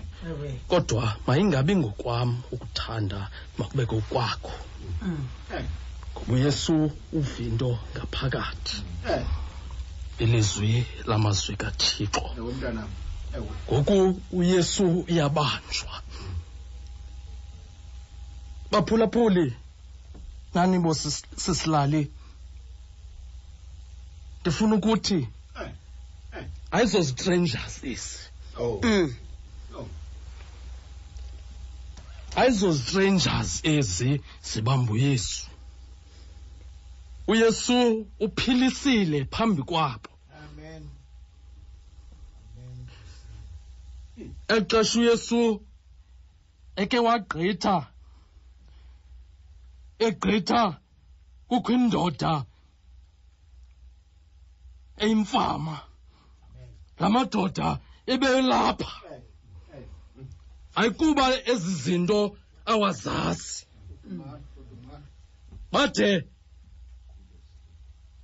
ekuphiliseni kwabo banamaxesha ofuna ukuthintela impiliso kayesu ngoba mveni le mfama xa ibhomboloza kwathi uyangcola kwathi uyangcola ilizwi lamazwi kathixo. Ngoba uyesu ungumphilisi. Ilizwi lamazwi kathixo. Nguyesu njalo lo. Ilizwi likathixo. Okokuqala masijongeni i-purpose. Um sijonge imishini kayesu awayizele emhlabeni. Ngoba batho tata weza kufuna nokulanda okokulahlekileyo ilizwi likathixo ilizwi elinamandla rhamente kathixo ilizwi likathixo ukhona umprofeti uezekile rhamente kathixo owayethunywa nguthixo rhamente kathixo wathi xa ethetha naye hamba ezekile uya kwendlu kasirayeli ngoba ayikhange ndimamele mna kuqala. Kodwa nokuba bathe bava nokuba bathe bala into bazoyazi into yoba umprofethi ebefikile Yesu katika Yesu anamanja waphendula wapendulu Yesu. Watiekane kwanele. Ilizwi namazwi kathixo bantwana bakathixo sizonqanda rhamente kathixo laphela ilizwe madoda ilizwi kathixo ilizwe linamandla rhamente kathixo utelam Gurne! Warden up! Ilizwe likawethu uxolele izono zalo. Rhamente kathixo ilizwini elinamandla abamama baphethe imishini. Rhamente kathixo ukuze uyiqonde le nto. Esilo ulapho mama wana rhamente kathixo yathandaza.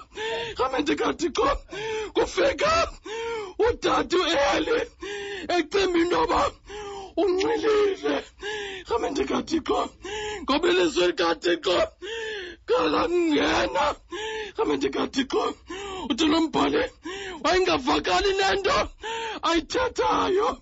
Hambe ndikathixo wathi andinxilanga ndingumfazi onomoya obubunzima. Hambe ndikathixo ilizwe likathixo wathi lo mprofeti hambe ndikathixo thixo aze kuphendule kumthandazo wakho. Ngoba mama baphethe imishini yokusindisa abantu. Uthela mkolo ndibayele ndizamele nkosi ndiphilele bonke abasemnyameni ukuze bangabhubhi bengamazi. Rhamente kathixo akuphendula uthixo ubuye etempileni watimawa uyeni ndingula mama. Owayelapha etempileni uthixo undiphendule.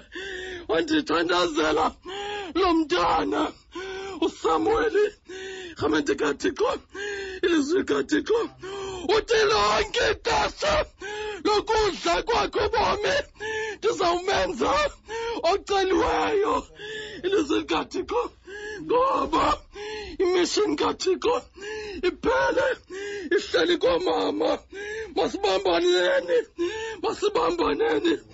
Ayilodabi lakrele eli rhamente kathixo ilizwi likathixo ikrele emasilisebenzise likuculo ngamakhulu mathathu ishumi nesine yilona imfazwe idabi lokholo.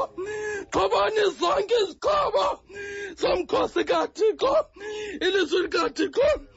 Thola nomnqwazi thola nomnqwazi thola nomnqwazi.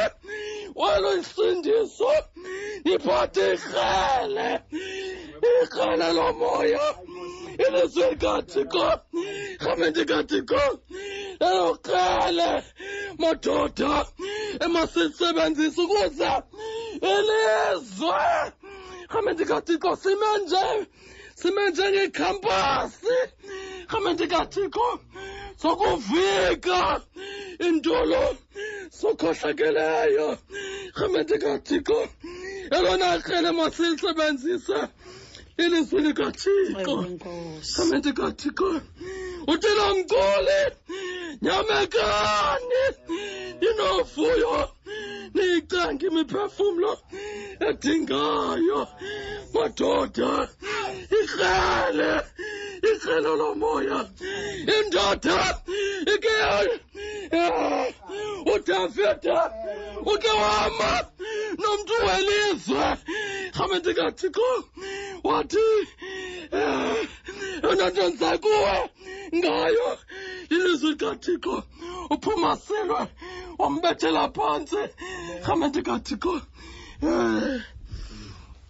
ow judasi ubuhamba nale ndoda. Oh ubuhamba noyesu ubuhambo noyesu kodwa ngoku!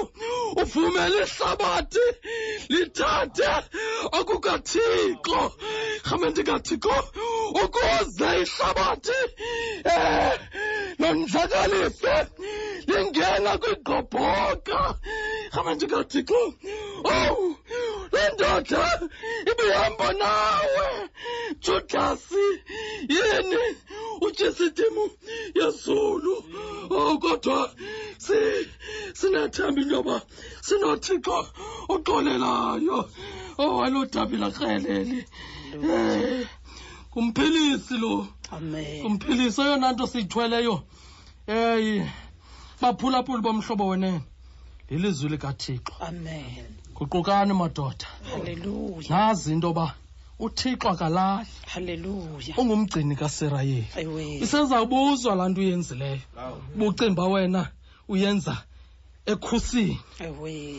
Uthi lo mculi izinto zasese zowutshilwa ekuhleni.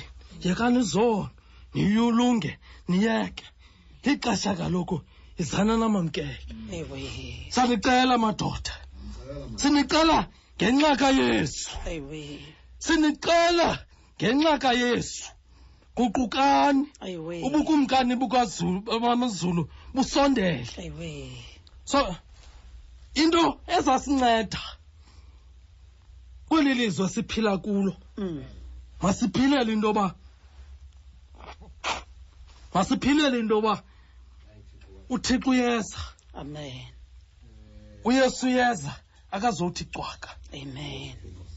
Enkosini nkosi kusikelele sabulela kakhulu eh utata ke eh osinike eh, kwakhona umkhombandlela uthi eh kumele into kokubana amadoda bekanti ngawo ekujongwa kuwo eh utata usingatha lowo sibeka ke phaa kwimizuzu esibhozo mphulaphuli phambi kwayo intsimbi yesithoba. Saye evenkileni xa sibuye evenkileni silungiselela ubheka ezindabeni. Phulaphula imvuselelo kumhlobo wenene fm imizuzu mithandathu phambi kwayo intsimbi yesithoba mphulaphula omhlobo wen-FM phulaphula imvuselelo umhlobo igama lam ndukulala itokhwe inkqubo ke yawuphela phaa ngentsimbi yeshumi.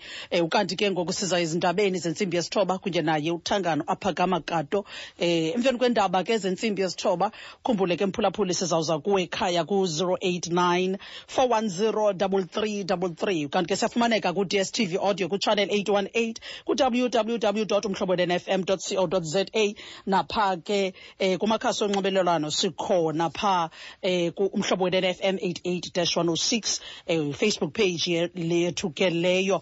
Eh, ilizwi lethu lanamhlanje ukukhumbuza nje sikwincwadi kaluka sahluko samashumi amabini anesibini ivesi yamashumi amane anesixhenxe ukuya kwivesi yamashumi amahlanu ananye kodwa sime phaa kulaa vesi yamashumi amahlanu ananye athi wathi ke uyesu yekani kwanele. Wayichukumisa indlebe yaso isicaka eso yaphila.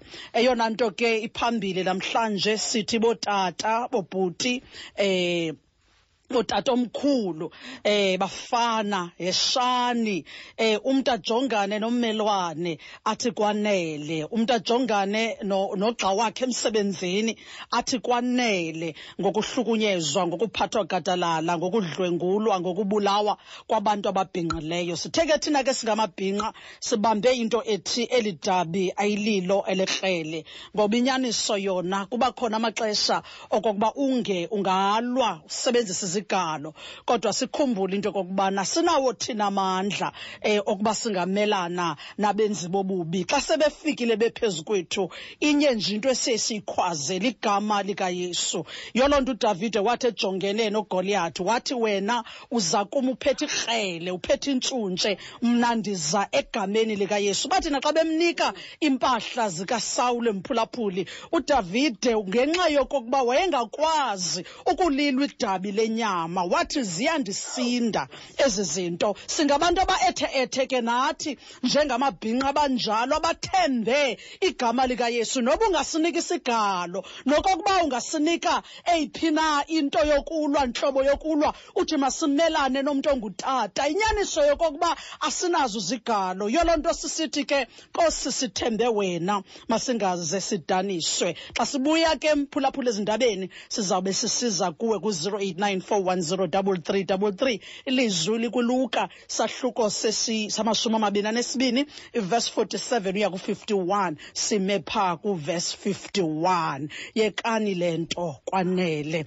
Masiyeke phaa kwingoma yamadodana eh amadodana aseross esithi ndikhokele sesiye ezindabeni noapha kamakato uphulaphula imvuselelo kumhlobo wenene fm eh uthi ke vuso wakho umsebenzi libajazwe igama lakho. Umthandazo wethu ke eh uThixo wanga ngaliphilise lilizwe eh ngokuthi umoya wakho ufukame kwikona zonke. Sikumizuzu esithoba emveni kwayo intsimbi yesithoba kumhlobo ne FM ukanti ke siyabulela kakhulu ku Aphakama Kato ngeendaba zentsimbi yesithoba. Eh ukanti ke ngoku singena kwiyure yokugqibela yenkqubo yemvuselelo. Eh ukanti ke mphulaphula omhlobo ne FM nditshilo ke ndathi xa kuleli xesha sizawuza kuwe wena oza kungqina ke kulizwi eh lanamhlanje apho sithi ke siphekuza umoya. Eh ndithi ngumoya ke ngamabom ngokuba ndiyayazi into okokubana eh kunomoya ngamnye ongapha kwento nganye eyenzekayo eh yiyo loo nto athi uyesu ayilo dabi. Eh upawulos naxa bhala phaa kuma-efese athi asilwi la nyama nagazi koko silwa. Eh nemimoya namagunya akweziphezulu indawo silwa ke nalo moya. Eh kodwa ke siyesha sisithi eh kwanele kwanele ngoku. Sinaye kutata ke phaa emnxebeni eh ozawuthi ke angqine ke eh uphaye nerhawutini utata ugitso tata siyakwamkela enkqubeni Eh mama msasazi wami. Ewe tatam enkosi ngiyabulela. Nkosi tata.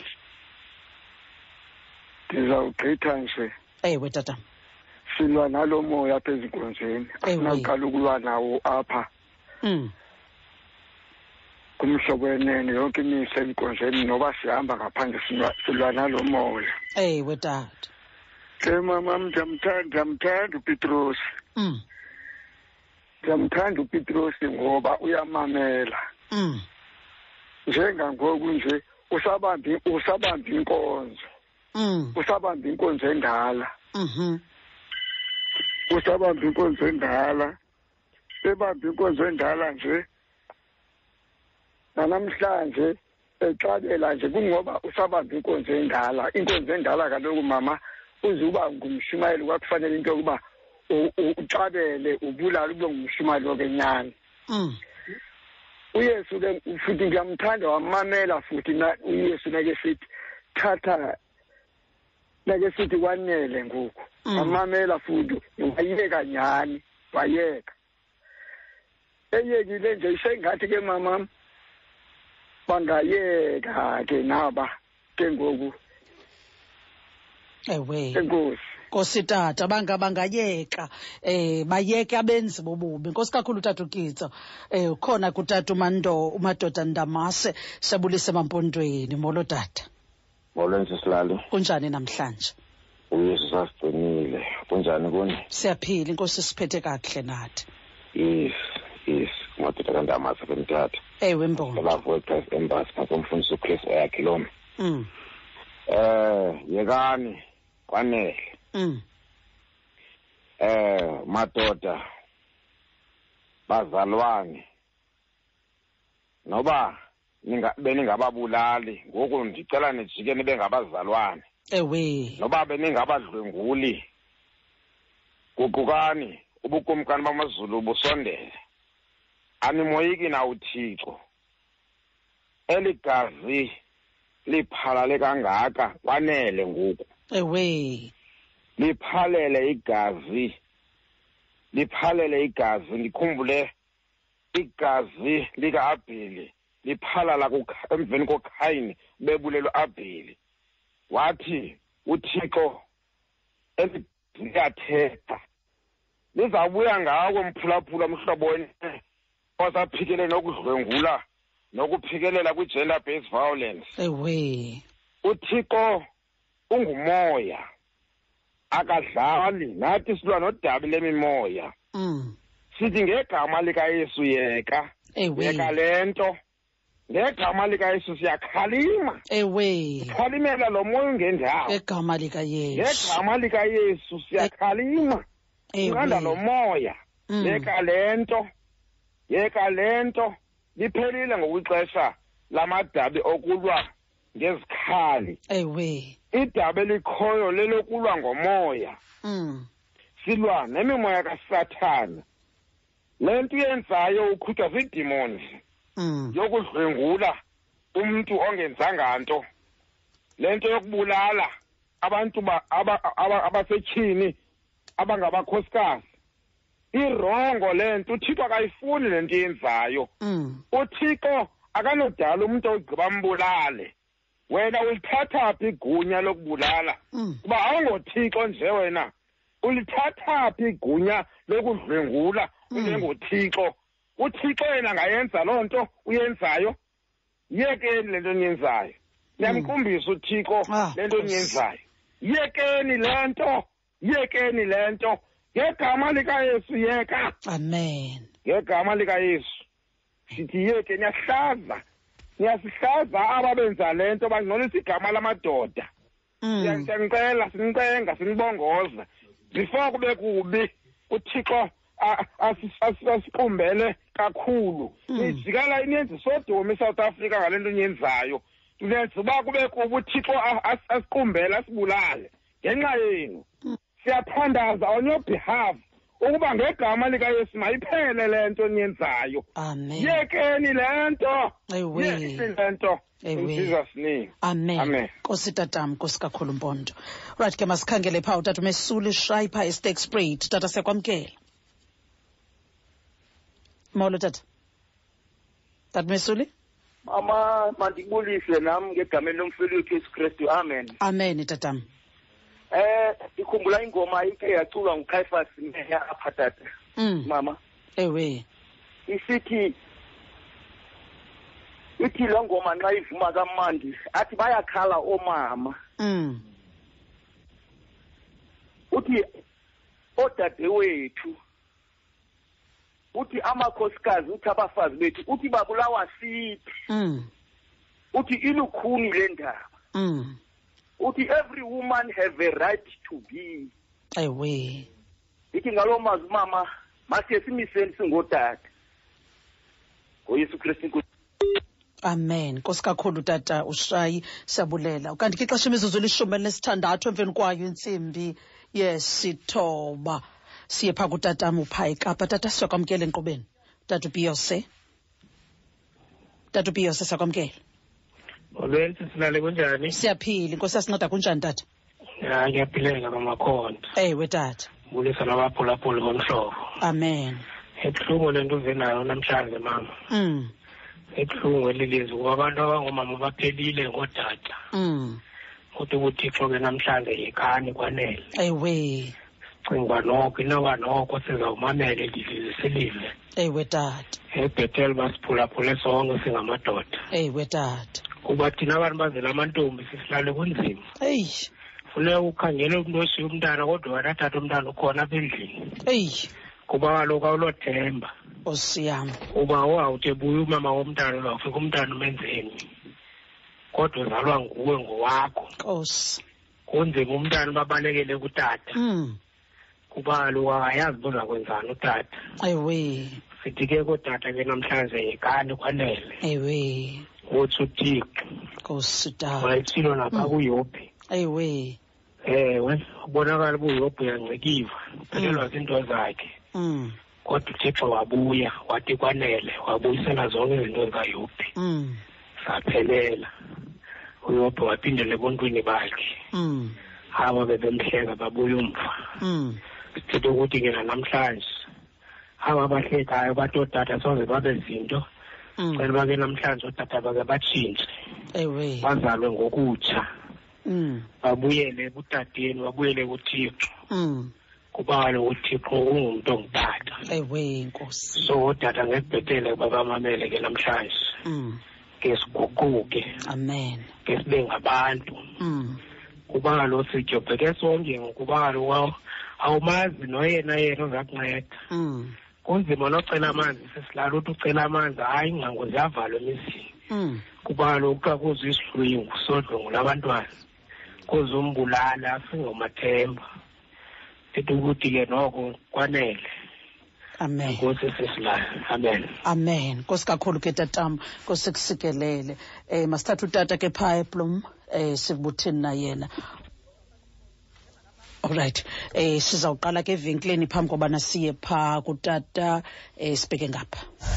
Nali iyeza lakwagambo elinceda ezi zifo ezilandelayo. Isifo somhlaza ivula inhliziyo ibhanti izinso iswekile inyusa amajoni umhlaza uqunjelwa amathambo izilonda uxinizelelo legazi linsumpa lipiles ibuyisa imvakazi. Amahlaba. Ukutheleka nobomi uba nentshisakalo. Uqhino ukudinwa. Lifumaneka kwabhoxa lifonele. Lifonele. 082 573 5443 sasinda sonke. Mhlobo uyaludinga uncedo lokuphuma ku-debt review? Ngokuthumela i-sms ethi cima ku-33351 abakwa-debt clear sa baza kunceda ngokususa i-debt review judgments administration. Thumela i-sms ku-33351 i-debt clear ibhalisiwe ne-national credit regulator. Phulaphula imvuselelo kumhlobo wenene fm sukumizuzwe ngamashumi amabini emveni kwayo intsimbi yesithoba kumhlobo nene-fm inkqubo ithi mvuselelo kumhlobo. Kanti ke ndingulala itokhwe sawuthi chunawe kubethe laa ntsimbi yeshumi. Sikhangela umphulaphula ekhaya ku-089 410 ncwadi kaluka sahluko samashumi amabini anesibini ivesi ke 51 apho sime khona. Ukhona ke bhuti zam ikhaya pha eblomfontein bhuti wam siyakwamkela enkqubeni molweni molweni sisilana molo tata. Mandibulele nam elithuba ndibonge. Ewe. Xa kuthethwa notata hayi kumadoda namhlanje ndiva ndinto enye Mm. ibhekise kuthi ngootata ewe tata. andizubaleka loo ndawo. Uyesu la madoda asegese umhlaba asegetsemani kokuqala? Ayiqondi le ntoba ingaske ayithathile kuwe ezandleni kodwa ndithanda nje xa ebakhalimele uyesu.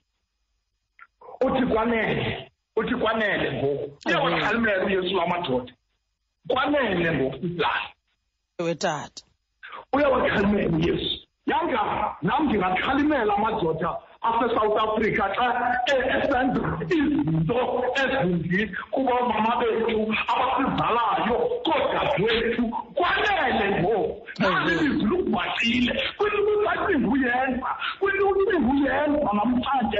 Ubhaciwe lizwi lamazulu uthi yesu ngokwakhe uthi kwanele.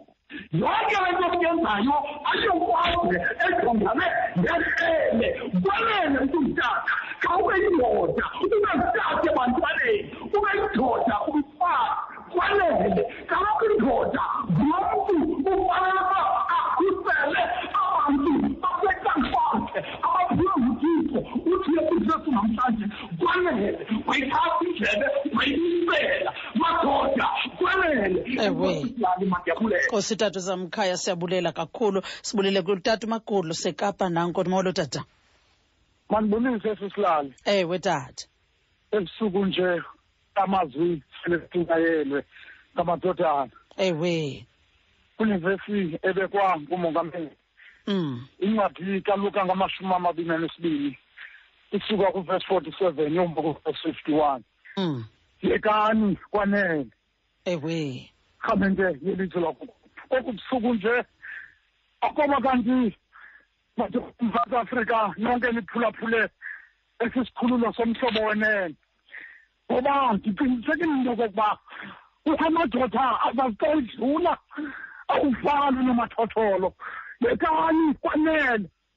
Sisilani bezolo benisemadodhaneni njengopresidenti wamadodana ndithetha nkumbe iagenda yahlala amadodana kanti madoda ma- masifundisane si- singamadoda kodwa kakhuzulabeni ebezikhona kazidlamini khange silinde mntu okokuba uzawuvela yomcimbi obaluleke ngomhlobo yenzeka kwethu madoda omzantsi afrika yekani ele bobamlamboma siyathandaza siyathandaza yasuthi njengokuba sibenzile kathiko asizukuphilwa sizoqhubekela kabese yenzeka kwethu siyayela madoda omzantsi afrika yekani bonele kabese yenzeka kwethu ngabo bethu ngosisa bethu namakhosikazi wethu newethu nabamlenhlenge ezivolo lezokudlengula abantu ababhinileyo abantwana newethu ayilunganga loo nto leyo yiyeke kwenelele kokunakunyaake amen. Amen. Nkosi kakhulu tata inkosi kusikelele kanti ke ngoku mphulaphuli sikwimizuzu engamashumi abini anesine emveni kwayintsimbi yesithoba kumhlobo wene ne-fm ulusanda spiritual group uthi uncedo lwam xa sibuya ke phaa kuye uzawube sele khona utata ulapithi yena esi- esiqhubekeka eh, ehesha naye kweli lizwi lukuluka. Isahluko samashumi amabini anesibini uvesi 47 uya kuvesi 51 kodwa kumnwesi ubeke phaa kuvesi 51 uyesuke wathi yekani le nto kwanele ncedo lwam lusanda spiritual group. Sibeka ke kwimizuzu engamashumi amabini anesibhozo emveni kwayintsimbi yesithoba ukhona ke um utata ulabithi. Nguye ke ozawuphinda qhuba heshe siyahesha mphulaphuli um namhlanje. Tata siyakwamkela enkqubeni sibulela kakhulu ngexesha lakho. Mandibulise kuwe sizilali mm. nabaphulaphuli bomhlobo wenene bonke. Mm. Namadodana onke alapha ngaphakathi emhlobo wenene. Ewe. No-coordinator wethu umfundisi umqikela esihamba naye. Amen. Nam ndithi mandigqatse izandla. Sebekude kakhulu abashumayeli. Ewe. Yaye umcimbi endizawenza mna mfutshane kakhulu ngoba zona iivesi seziphelile. Oba ndithi ndinendawo yokoyama. Ubungozi bokushumayela ngasemva. Ziyemka zonke iivesi apha phambi kwakho. Kodwa ngokuhlwanje sibonisana. Ngale ndawo ethi waphendula ke uyesu wathi yekani kwanele. Wayichukumisa indlebe yakhe wamphilisa. Ngo ngokwale meko sijonge kuyo. Abashumayeli okanye amadodana ashumayela phambi kwayo. Ingakhangeleka ingathi i-out of context. Kodwa eyona nto ibalulekileyo apha lilizwi lekhomanda elithi yekani ngoku. Kwanele ewe. Indixelela ukuthi likhona ithuba uthixo athi qwaka yeke akhavule zidibane. Ah akhabona uthixo ajongwe umonakalo. Ndifuna ukuthi na nale ndlebe iqhawuliweyo kamzalwana umalko ah. Uke wayeka uyesu. Engaphendulanga ngokwakhe emveni koba bebuzilwa ba siqabelena ewe. I-action iphume kubo. Uyesu enganikezelanga i-authority yoba makuqatyelwe ewe. But si sinothixo onenceba ongajonganiyo nosisi. Wathi xa ebona okokuba guquluka ubhode kwindawo yokuthandaza igetsemane kwindawo yakhe yokonwaba bantwana bakathixo akakwazi ukuthi ejonge emnqamlezweni ngoba inyala lesikizi elizawuthi lenziwa apha akukho bani uzawuphinda alicima lihlambulule? Bantwana bakathixo waqonda uyesu phambi koba ah, phambi koba nduluke. Kweli lize jongane nekalvari mama kathethe ngelizwi kuzaliseke umqulama wisile. Zakuphela imfazwe zonke kulawula uxolo ngezwi lakho thixo. Bantwana bakathixo wanqanda enqanda indoda wanqanda enqanda indoda yaye lidabi alikho phakathi kopetrose nendimbane. Bantwana bakathixo ngoba ngoku umcimbi wale weapon it becomes useless ngoba ulisebenzisa kwindawo erongo ngexesha lirongo. Bantwana bakathixo andazi nokokuba bakhona nabantu abahlelwe yile meko. Umntu wafakwa waxatyelwa ngerhele ngexesha lirongo kwindawo erongo. Bantwana bakathixo izama ukuthi masijonge ihlelo kokuba silisebenzisa kwindawo erayithi na. Phambi kokuba sisebenzise ikrele. Eh ewe kunqandwa indoda eseli already inedecision nesisombululo sokokuba isombululo kukuphakamisa isandla. Bantwana bakathixo kodwa uyesu xa enqanda sisilali uthi kahle ngodlame ngoba alulungiswa. Udlame ngodlame bantwana bakathixo makuthethwe kubekwe phantsi izixhobo bantwana bakathixo ngoba le mfazwe bendisithe yiyo yakhe. Apho yamiselwa khona imiselwa nguthixo genesis 3:15 ndiyakumisa ubutshaba phakathi kwembewu yomfazi kunye nembewu yenyoka. Bantwana bakathixo wathi imbewu yomfazi iza kuyityumza intloko inyoka.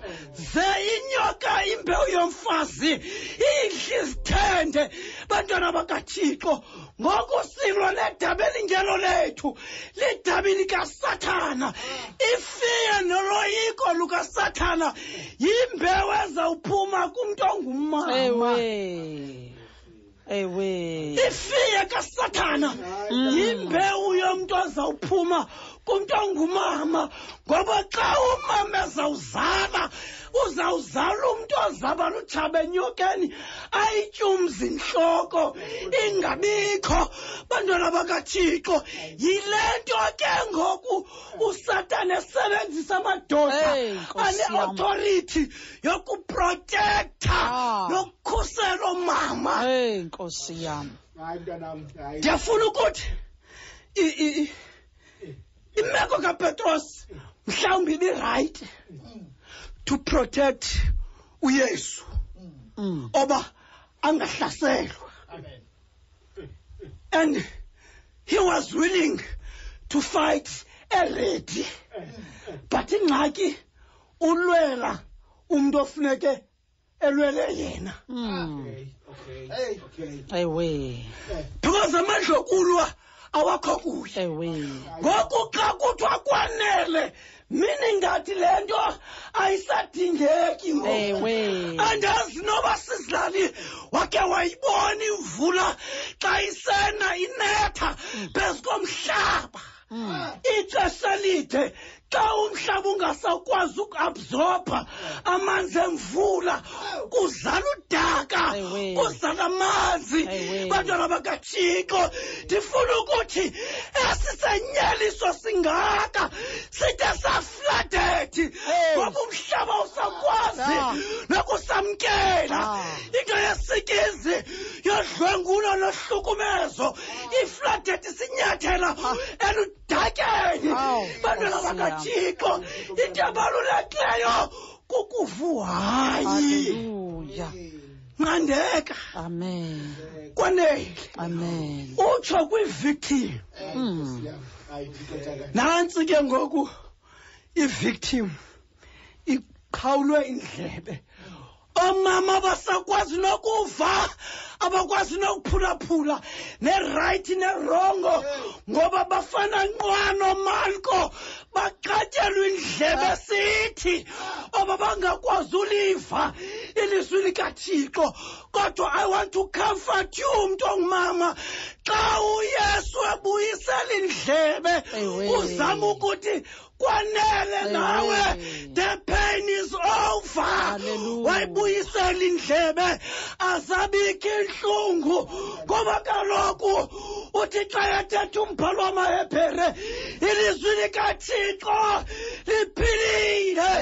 Ihlaba lahlule umphefumulo wanomongo ndinokugweba ingcingane mm. yale lingaphezulu. Kwamakreronke ahlangwathimpini futhi elingoma sisilane ayeze uphuthamphumpu ah, nkosi yami xesha imizuzu ngamashumi amabini anesibini phambi kwayo intsimbi yeshumi kumhlobo wenene-fm ukanti ke ngoku mphulaphuli siya ngasemaphethelweni. Nditshilo ndathi sizokuphekuza. Kodwa eyona nto ndiyithandayo yeyokokubana eh kuyo yonke le nto siphinda sibona uyesu okwazi ukuphilisa. Siphinda sibona uyesu okwazi ukubuyisela. Into ibisela imkile. Uyesu okwazi ukubuyisela uxolo. Uyesu okwazi ubuyisela uvuyo. Uyesu ongumphilisi. Ekuhlweni nje ngeba sizokuthi kuwe nokokuba wena tata mhlawumbi imeko yokokuba ube kanti uyadlwengula uyabulala okanye unomsindo sempumlweni. Mhlawumbi kunendlebe eyasukayo kuwe. Mhlawumbi kunokugruzuka nenxeba elikhoyo kuwe elithi xa livuza liqaqamba unga ungaziphindeze- ungaziphindezela. Uthi abekuziphindezeleni kwakho ukhangele eyona mntu ukufutshane nonokwazi into okokubana umbethe angakwazi ukoyisa. Mhlawumbi unengqumbo kumntu owakuhlasele wakususa indlebe mhlawumbi uziva amandla eh, nge- nge- ngele kuthi kuwe ku- kunesi silonda singapholiyo sizothi kuyesu ukhona. Xa sisithi kwanele sizothi uyesu khona angakwazi ukuphilisa. Bawusambumbu masinikele kuwe. Mandibulise kuwe sisilali. Ndibulise kutata umqikela esihamba kunye naye igosala kwazakhele utata ulazola. Kwakunye nabo bonke abantu abahambe kunye nathi ukuhamba oluhambo lozokufikelela kule ndawo. Amen. Sizapha nathi kungekho nto esibhetere ngayo. Ewe. Kungekho nto siza kuyimisa singaziwa ngayo nathi. Mm. mhlawumbi simapha kukho abanye ivulayo abathi nene. Akwaba abantu bebemazi kwayena luthethayo. Siza nathi sizozibeka into yoba nathi sinetyala ngoba into ebalulekileyo kukuzazi into yoba ukho bhetere kunabanye abantu. Umntu ozawunqanda umntu ngumntu oyaziyo naye le nto athetha ngayo. Athi kuye yiyeke le nto ayizukusandawo. Apha uthi utata umqikela into masizoyenza masizonqanda. Sinqande abantu abangootata. Mhlawumbi abatata sizabanqanda sisilali ngootata abanye abakhulu kunathi. Ebekufanele uba banqanda thina. Asinawo namagunya oba siyabanqanda. Kodwa uthi umfundisi masizothi kwanele. Sicebise umzantsi afrika ngokwanela. Sicebise umzantsi afrika xa kuthethe uyesu kumele thina sithule simamele ikhomanda. Utshula bethi apha sisilali into endikhathaza ngale vesi inye mm. yinto yoba kulahleke umuntu oyindoda kwi-original place yakhe. Ngoba mhla kwadalwa uthixo waqala ngomntu oyindoda. Kwakungabikho mntu ungumama uthixo wancokola nomntu oyindoda. Uthi utata ujafta xa imchaza athi wayemane ufike ekuseni? Athi good morning ebusuku afike. Athi rhona ntini kumnandi phakathi kothixo nomntu oyindoda. Akho ngxabano akho ntoni akho moni. Uthixo uyithembile indoda. Waze uthixo uqonda uba uyithembile indoda. Wathi andizuzithiye zinto adam. Mm. Ndizinika wena i-authority yokuba wena adam ibe nguwe. Umntu oza kuthi kwezi zinto wena uyintaka wena uyinkomo. Wamnika amagunya uthixo umntu oyindoda kodwa wadisappointa umntu oyindoda. Mve xa ibuzwa uphina adam. Ithi impendulo ndisivile isikhalo sakho thixo ndazimela. Ngoba umntu oyindoda ngumntu wedisappointment. Xa ibuzwa nguthixo wenze ntoni ngubani kuthi umntu ayindoda ngumfazi. Ondinike that was the greatest disappointment. I'm sure umama umama wakwakhe wadana. Xa imva into yoba le ndoda. Ngumntu wesiphoxo lo. Sizwanqanda amadoda. Sizwathi kuwo kwanele. Yaze yona nto indidisappointayo mfundisi umtikela kuyo yonke le nto into yoba abona bantu yazi abona abantu. Tata ujafta into ebuhlungu. Lo sizomnqanda wakhula utata ebetha umama. Uyayazi intlungu kamama. Ebona unine lila ebethwa ngutatakhe wayebukela uyise emanuza nabantwana nabantwana ekhaya ephuka umntu ongumama alile kodwa namhlanje umntu oyindoda nguye kanye ohlukumeza umntu ongumama. Uthi uyesu kwanele yekani ngoku kodwa ndiqala ukuthi xa ndiyeka bawumqikela awupheli kuthi kwanele. After you said kwanele you must do what is called regress. Uregress ubuyisela indlebe kulo mntu umonileyo. Mhlawumbi we must challenge the men to go back kwaba bantu babonayo. Ukwenzela uba siyazi into yoba we have done the redress xa ndicebisa mama mcanza uyeka ndiyeke sigoduke. Ndizisetshe into zintathu kubaphulaphuli bomhlobo wenene. Nakuni bantu bonke bangootata belilizwe. Ndiyayeka mfundisi wam into endizisileyo ziphaya ekhitshini litapile kwakunye neqanda kwakunye netibhek ndiyeke sisilali ndigoduke abaphulaphuli bandivile. Xa ufika ekhitshini ufaka itapile tata umpikela emanzini ashushu liyathamba itapile libe manzi. Kodwa xa uthatha iqanda ulifake emanzini ashushu liyaqina iqanda. Iqanda litshintshwa ngamanzi ashushu itapile litshintshwa ngamanzi ashushu but i want to challenge you. Go look at the tibek itibek yawufika emanzini ashushu ayiguqulwa ngamanzi ashushu iguqula amanzi ashushu izothi kubantu bomhlobo wenene. Into ezawuninceda be like a tibek xa ufika kubuhlungu noba kusemzini akho ulila be like a tibek don't allow the situation to change you. You must change the situation. Yazi itibek it provides aroma idawugqibinika itaste idawugqibinika ikhala amadoda sothi kuwo namhlanje sovuma utshintshwa sisimo. Fana netibek okristu nkosi yethu. Amen. Siphambi kwakho thixo wethu namandla onke nangasekuhlweni nje. Unguthixo wena onenceba engazange iphele. Nqaba yethu dwalala phakade. Kumkani ye kumkani akakho nkosi uthixo ufana nawe. Akakho thixo onjengawe. Nasekujikeni inkosi kwelanga thixo wethu namandla bathethile nkosi abakhonzi bakho. Thixo wethu othandekayo ngokholo. Thixo wethu othandekayo wena owakwazi ukunqanda irhele. Thixo wethu onamandla somandla kupetros. Wathi sewunqandile thixo wethu onamandla wabuya waphilisa. Nangale ntlwa nkosi senamandla nabo tata naba bafana naba nkosi oonyana babantu. Thixo wethu namandla ngale ntloya namhlanje bekhala kuwe nkosi senamandla onke. Bekhalimela abanye sibazisa kuwe. Thixo wethu othandekayo nabo nkosi sebebizwa ukuba bazizidlwengu sebebizwa ukuba bangababulali. Thixo wethu namandla wena unguthixo wobulungisa ekuhlweni nje igazi labantwana bakho. Thixo wethu namandla onke igazi lamabhinqa elaphalalayo liphalazwa. Thixo wethu ngoonyana babantu thixo namandla malingabonwabisi. Apho bakhoyo siyathandaza. Thixo wethu onamandla onke kwiikona bakuzo.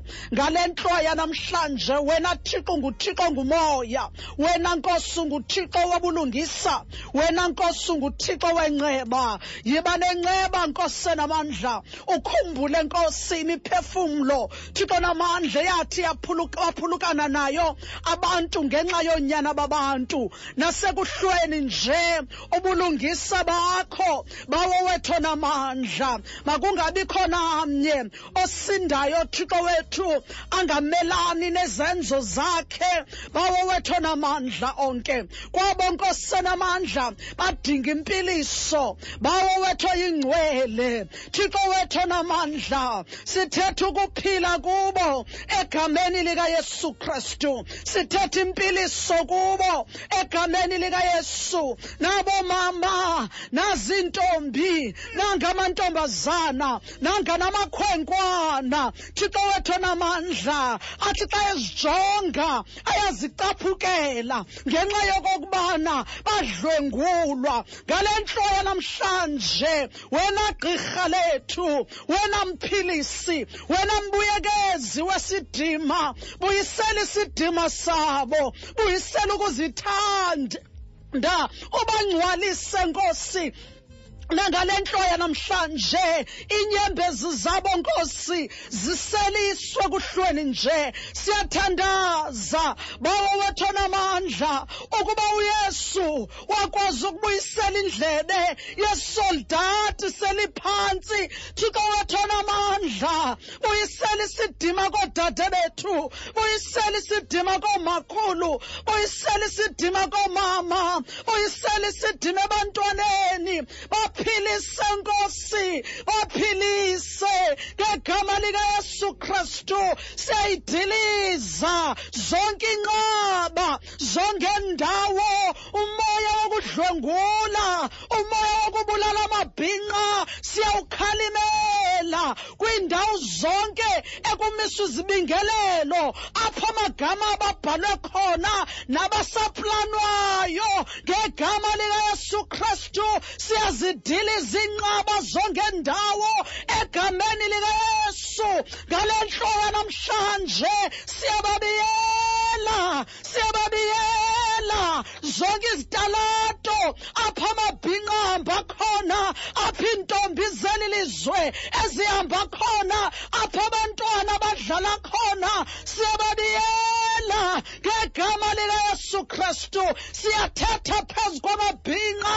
Ngale ntlo yanamhlanje sithe sikhona sinye isikhali esilolelwe bona esiya kuphumelela ngegama likayesu kristu sithi ukuba uyehova ungakubo. Ngubani nongabachasayo simelana nawonke amagunya obumnyama ajongene namabhinqa. Simelana nawonke amadimoni obumnyama ajongene nabantwana abangamantombazana. Ngegama likayesu kristu kosiboni ilizwe lakowethu nasekuhlweni nje. Philisa nkosi abangxolerekileyo philisa ezo ntsapho ezithi xa zicinga ngabantwana bakomawabo abalishiyayo leli egameni lothando. Baphilise nkosi baphilise baphilise thixo wethu baphilise nkosi senamandla onke ukuze lizukiswe igama lakho. Senza umhlabelelo ekuhlweni nje. Sithi bona ilizwe lakowethu bona ilizwe lakowethu mzantsi afrika ungayithobi inqumbo yakho. Kosenamandla senamandla wena ongoyiki mntu thetha neentliziyo zamadoda. Nabo bacebayo ngokuhlwanje ngegama likayesu kristu. Siyaziphazamisa ezoncingane nabo bacebayo siyaziphazamisa ezo ngcingane ngegama likayesu kristu bahlangule ababhinqa kuyinkohlakalo yeli lizwe zelizukiswe igama lakho. Ngoyesu kristu inkosi yethu. Amen. Samkela ubabalo. Kuyelo unakho ukusilondoloza. Singabi nakukhubeka nokusimisa phambi kobuqaqawuli bakhe. Singenabala sigcoba kuthixo olumkileyo yedwa. Umsindisi wethu makubekho kuye uzuko nobukhulu. Amandla negunya ngoku ngokunaphakade uthi kanjalo ufefe lwenkosi yethu uyesu kristu uthando lukathixo nobudlelane bomoya oyingcwele. Mazihlale ziphune nathi zonke ezi zinto ade ukristu ohlale lawula ngokude bunaphakade amen amen. Nkosi kakhulu umfundisi wam eh uthixo woxolo kakusikelele siyabulela kakhulu ke kwibandla eh lamawisile siyabulela kakhulu methodist church kwi-pe region amadodana. Ihamba ke nomfundisi eh umqikela eh kanti ke abebekhona ke ngutata ujafta utata umdyogolo utata usingatha utata ulabithi utata usambumbu. Uthixo woxolo ke wanganganisikelela wanguthixo xolo nganani nakumabandleni kuwo uthixo uxolo aqhubekeke nigcwalisa njalo. Nakuwe ke mphulaphula ekhaya bathe bangena um siyabulela kakhulu ngokuba eh, wakunye nathi ngale ntlwa yanamhlanje. Uthixo uxolo ke wanga anganathi sikhumbule into yokokubana um makuyekwe le nto um ngokuba um kwanele ngoku. Sikhumbule kwikona sihamba kuzo makuyekwe le nto ngokuba kwanele. Nokokuba sewuqalisa ufika umsindo yeka le nto ngokuba kwanele. Thixo xolo kanisikelele thixo xola zimasa intliziyo yakho mphulaphula ekhaya zimasa ikhaya lakho. Akukhokelele ezindleleni zobulungisa ngenxa yegama lakhe. Kwangokulungileyo nenceba kungakulandela yonke imihla yobomi bakho. Thixo woxolo aqhubekeke kunika ithembe khulisa ukholo lwakho njalo. Gama lam ndingulali tokhwe. Kanti inkqubo yona ithi imvuselelo kumhlobo wene ne-fm uyadibana nam ke ngoku kula mazomoya ngomso kusasa ngentsimbi yesithathu kwinkqubo ethi beka ithemba lakho kuye sele khona ke ukhwalo udumza maswana yena ke uzawuza nomculo wejazz kubetha intsimbi yeshumi elinesibini kanti ke ngentsimbi yeshumi elinesibini uyawunika uzizi kumxholo kumhlobo. Kude kubethe laa ntsimbi yesithathu. Apho ke mna ndawufika ndithatha intambo ndithi nkosi ndithembe wena mandingaze ndidaniswe. Kamnandi de kube lixesha elizayo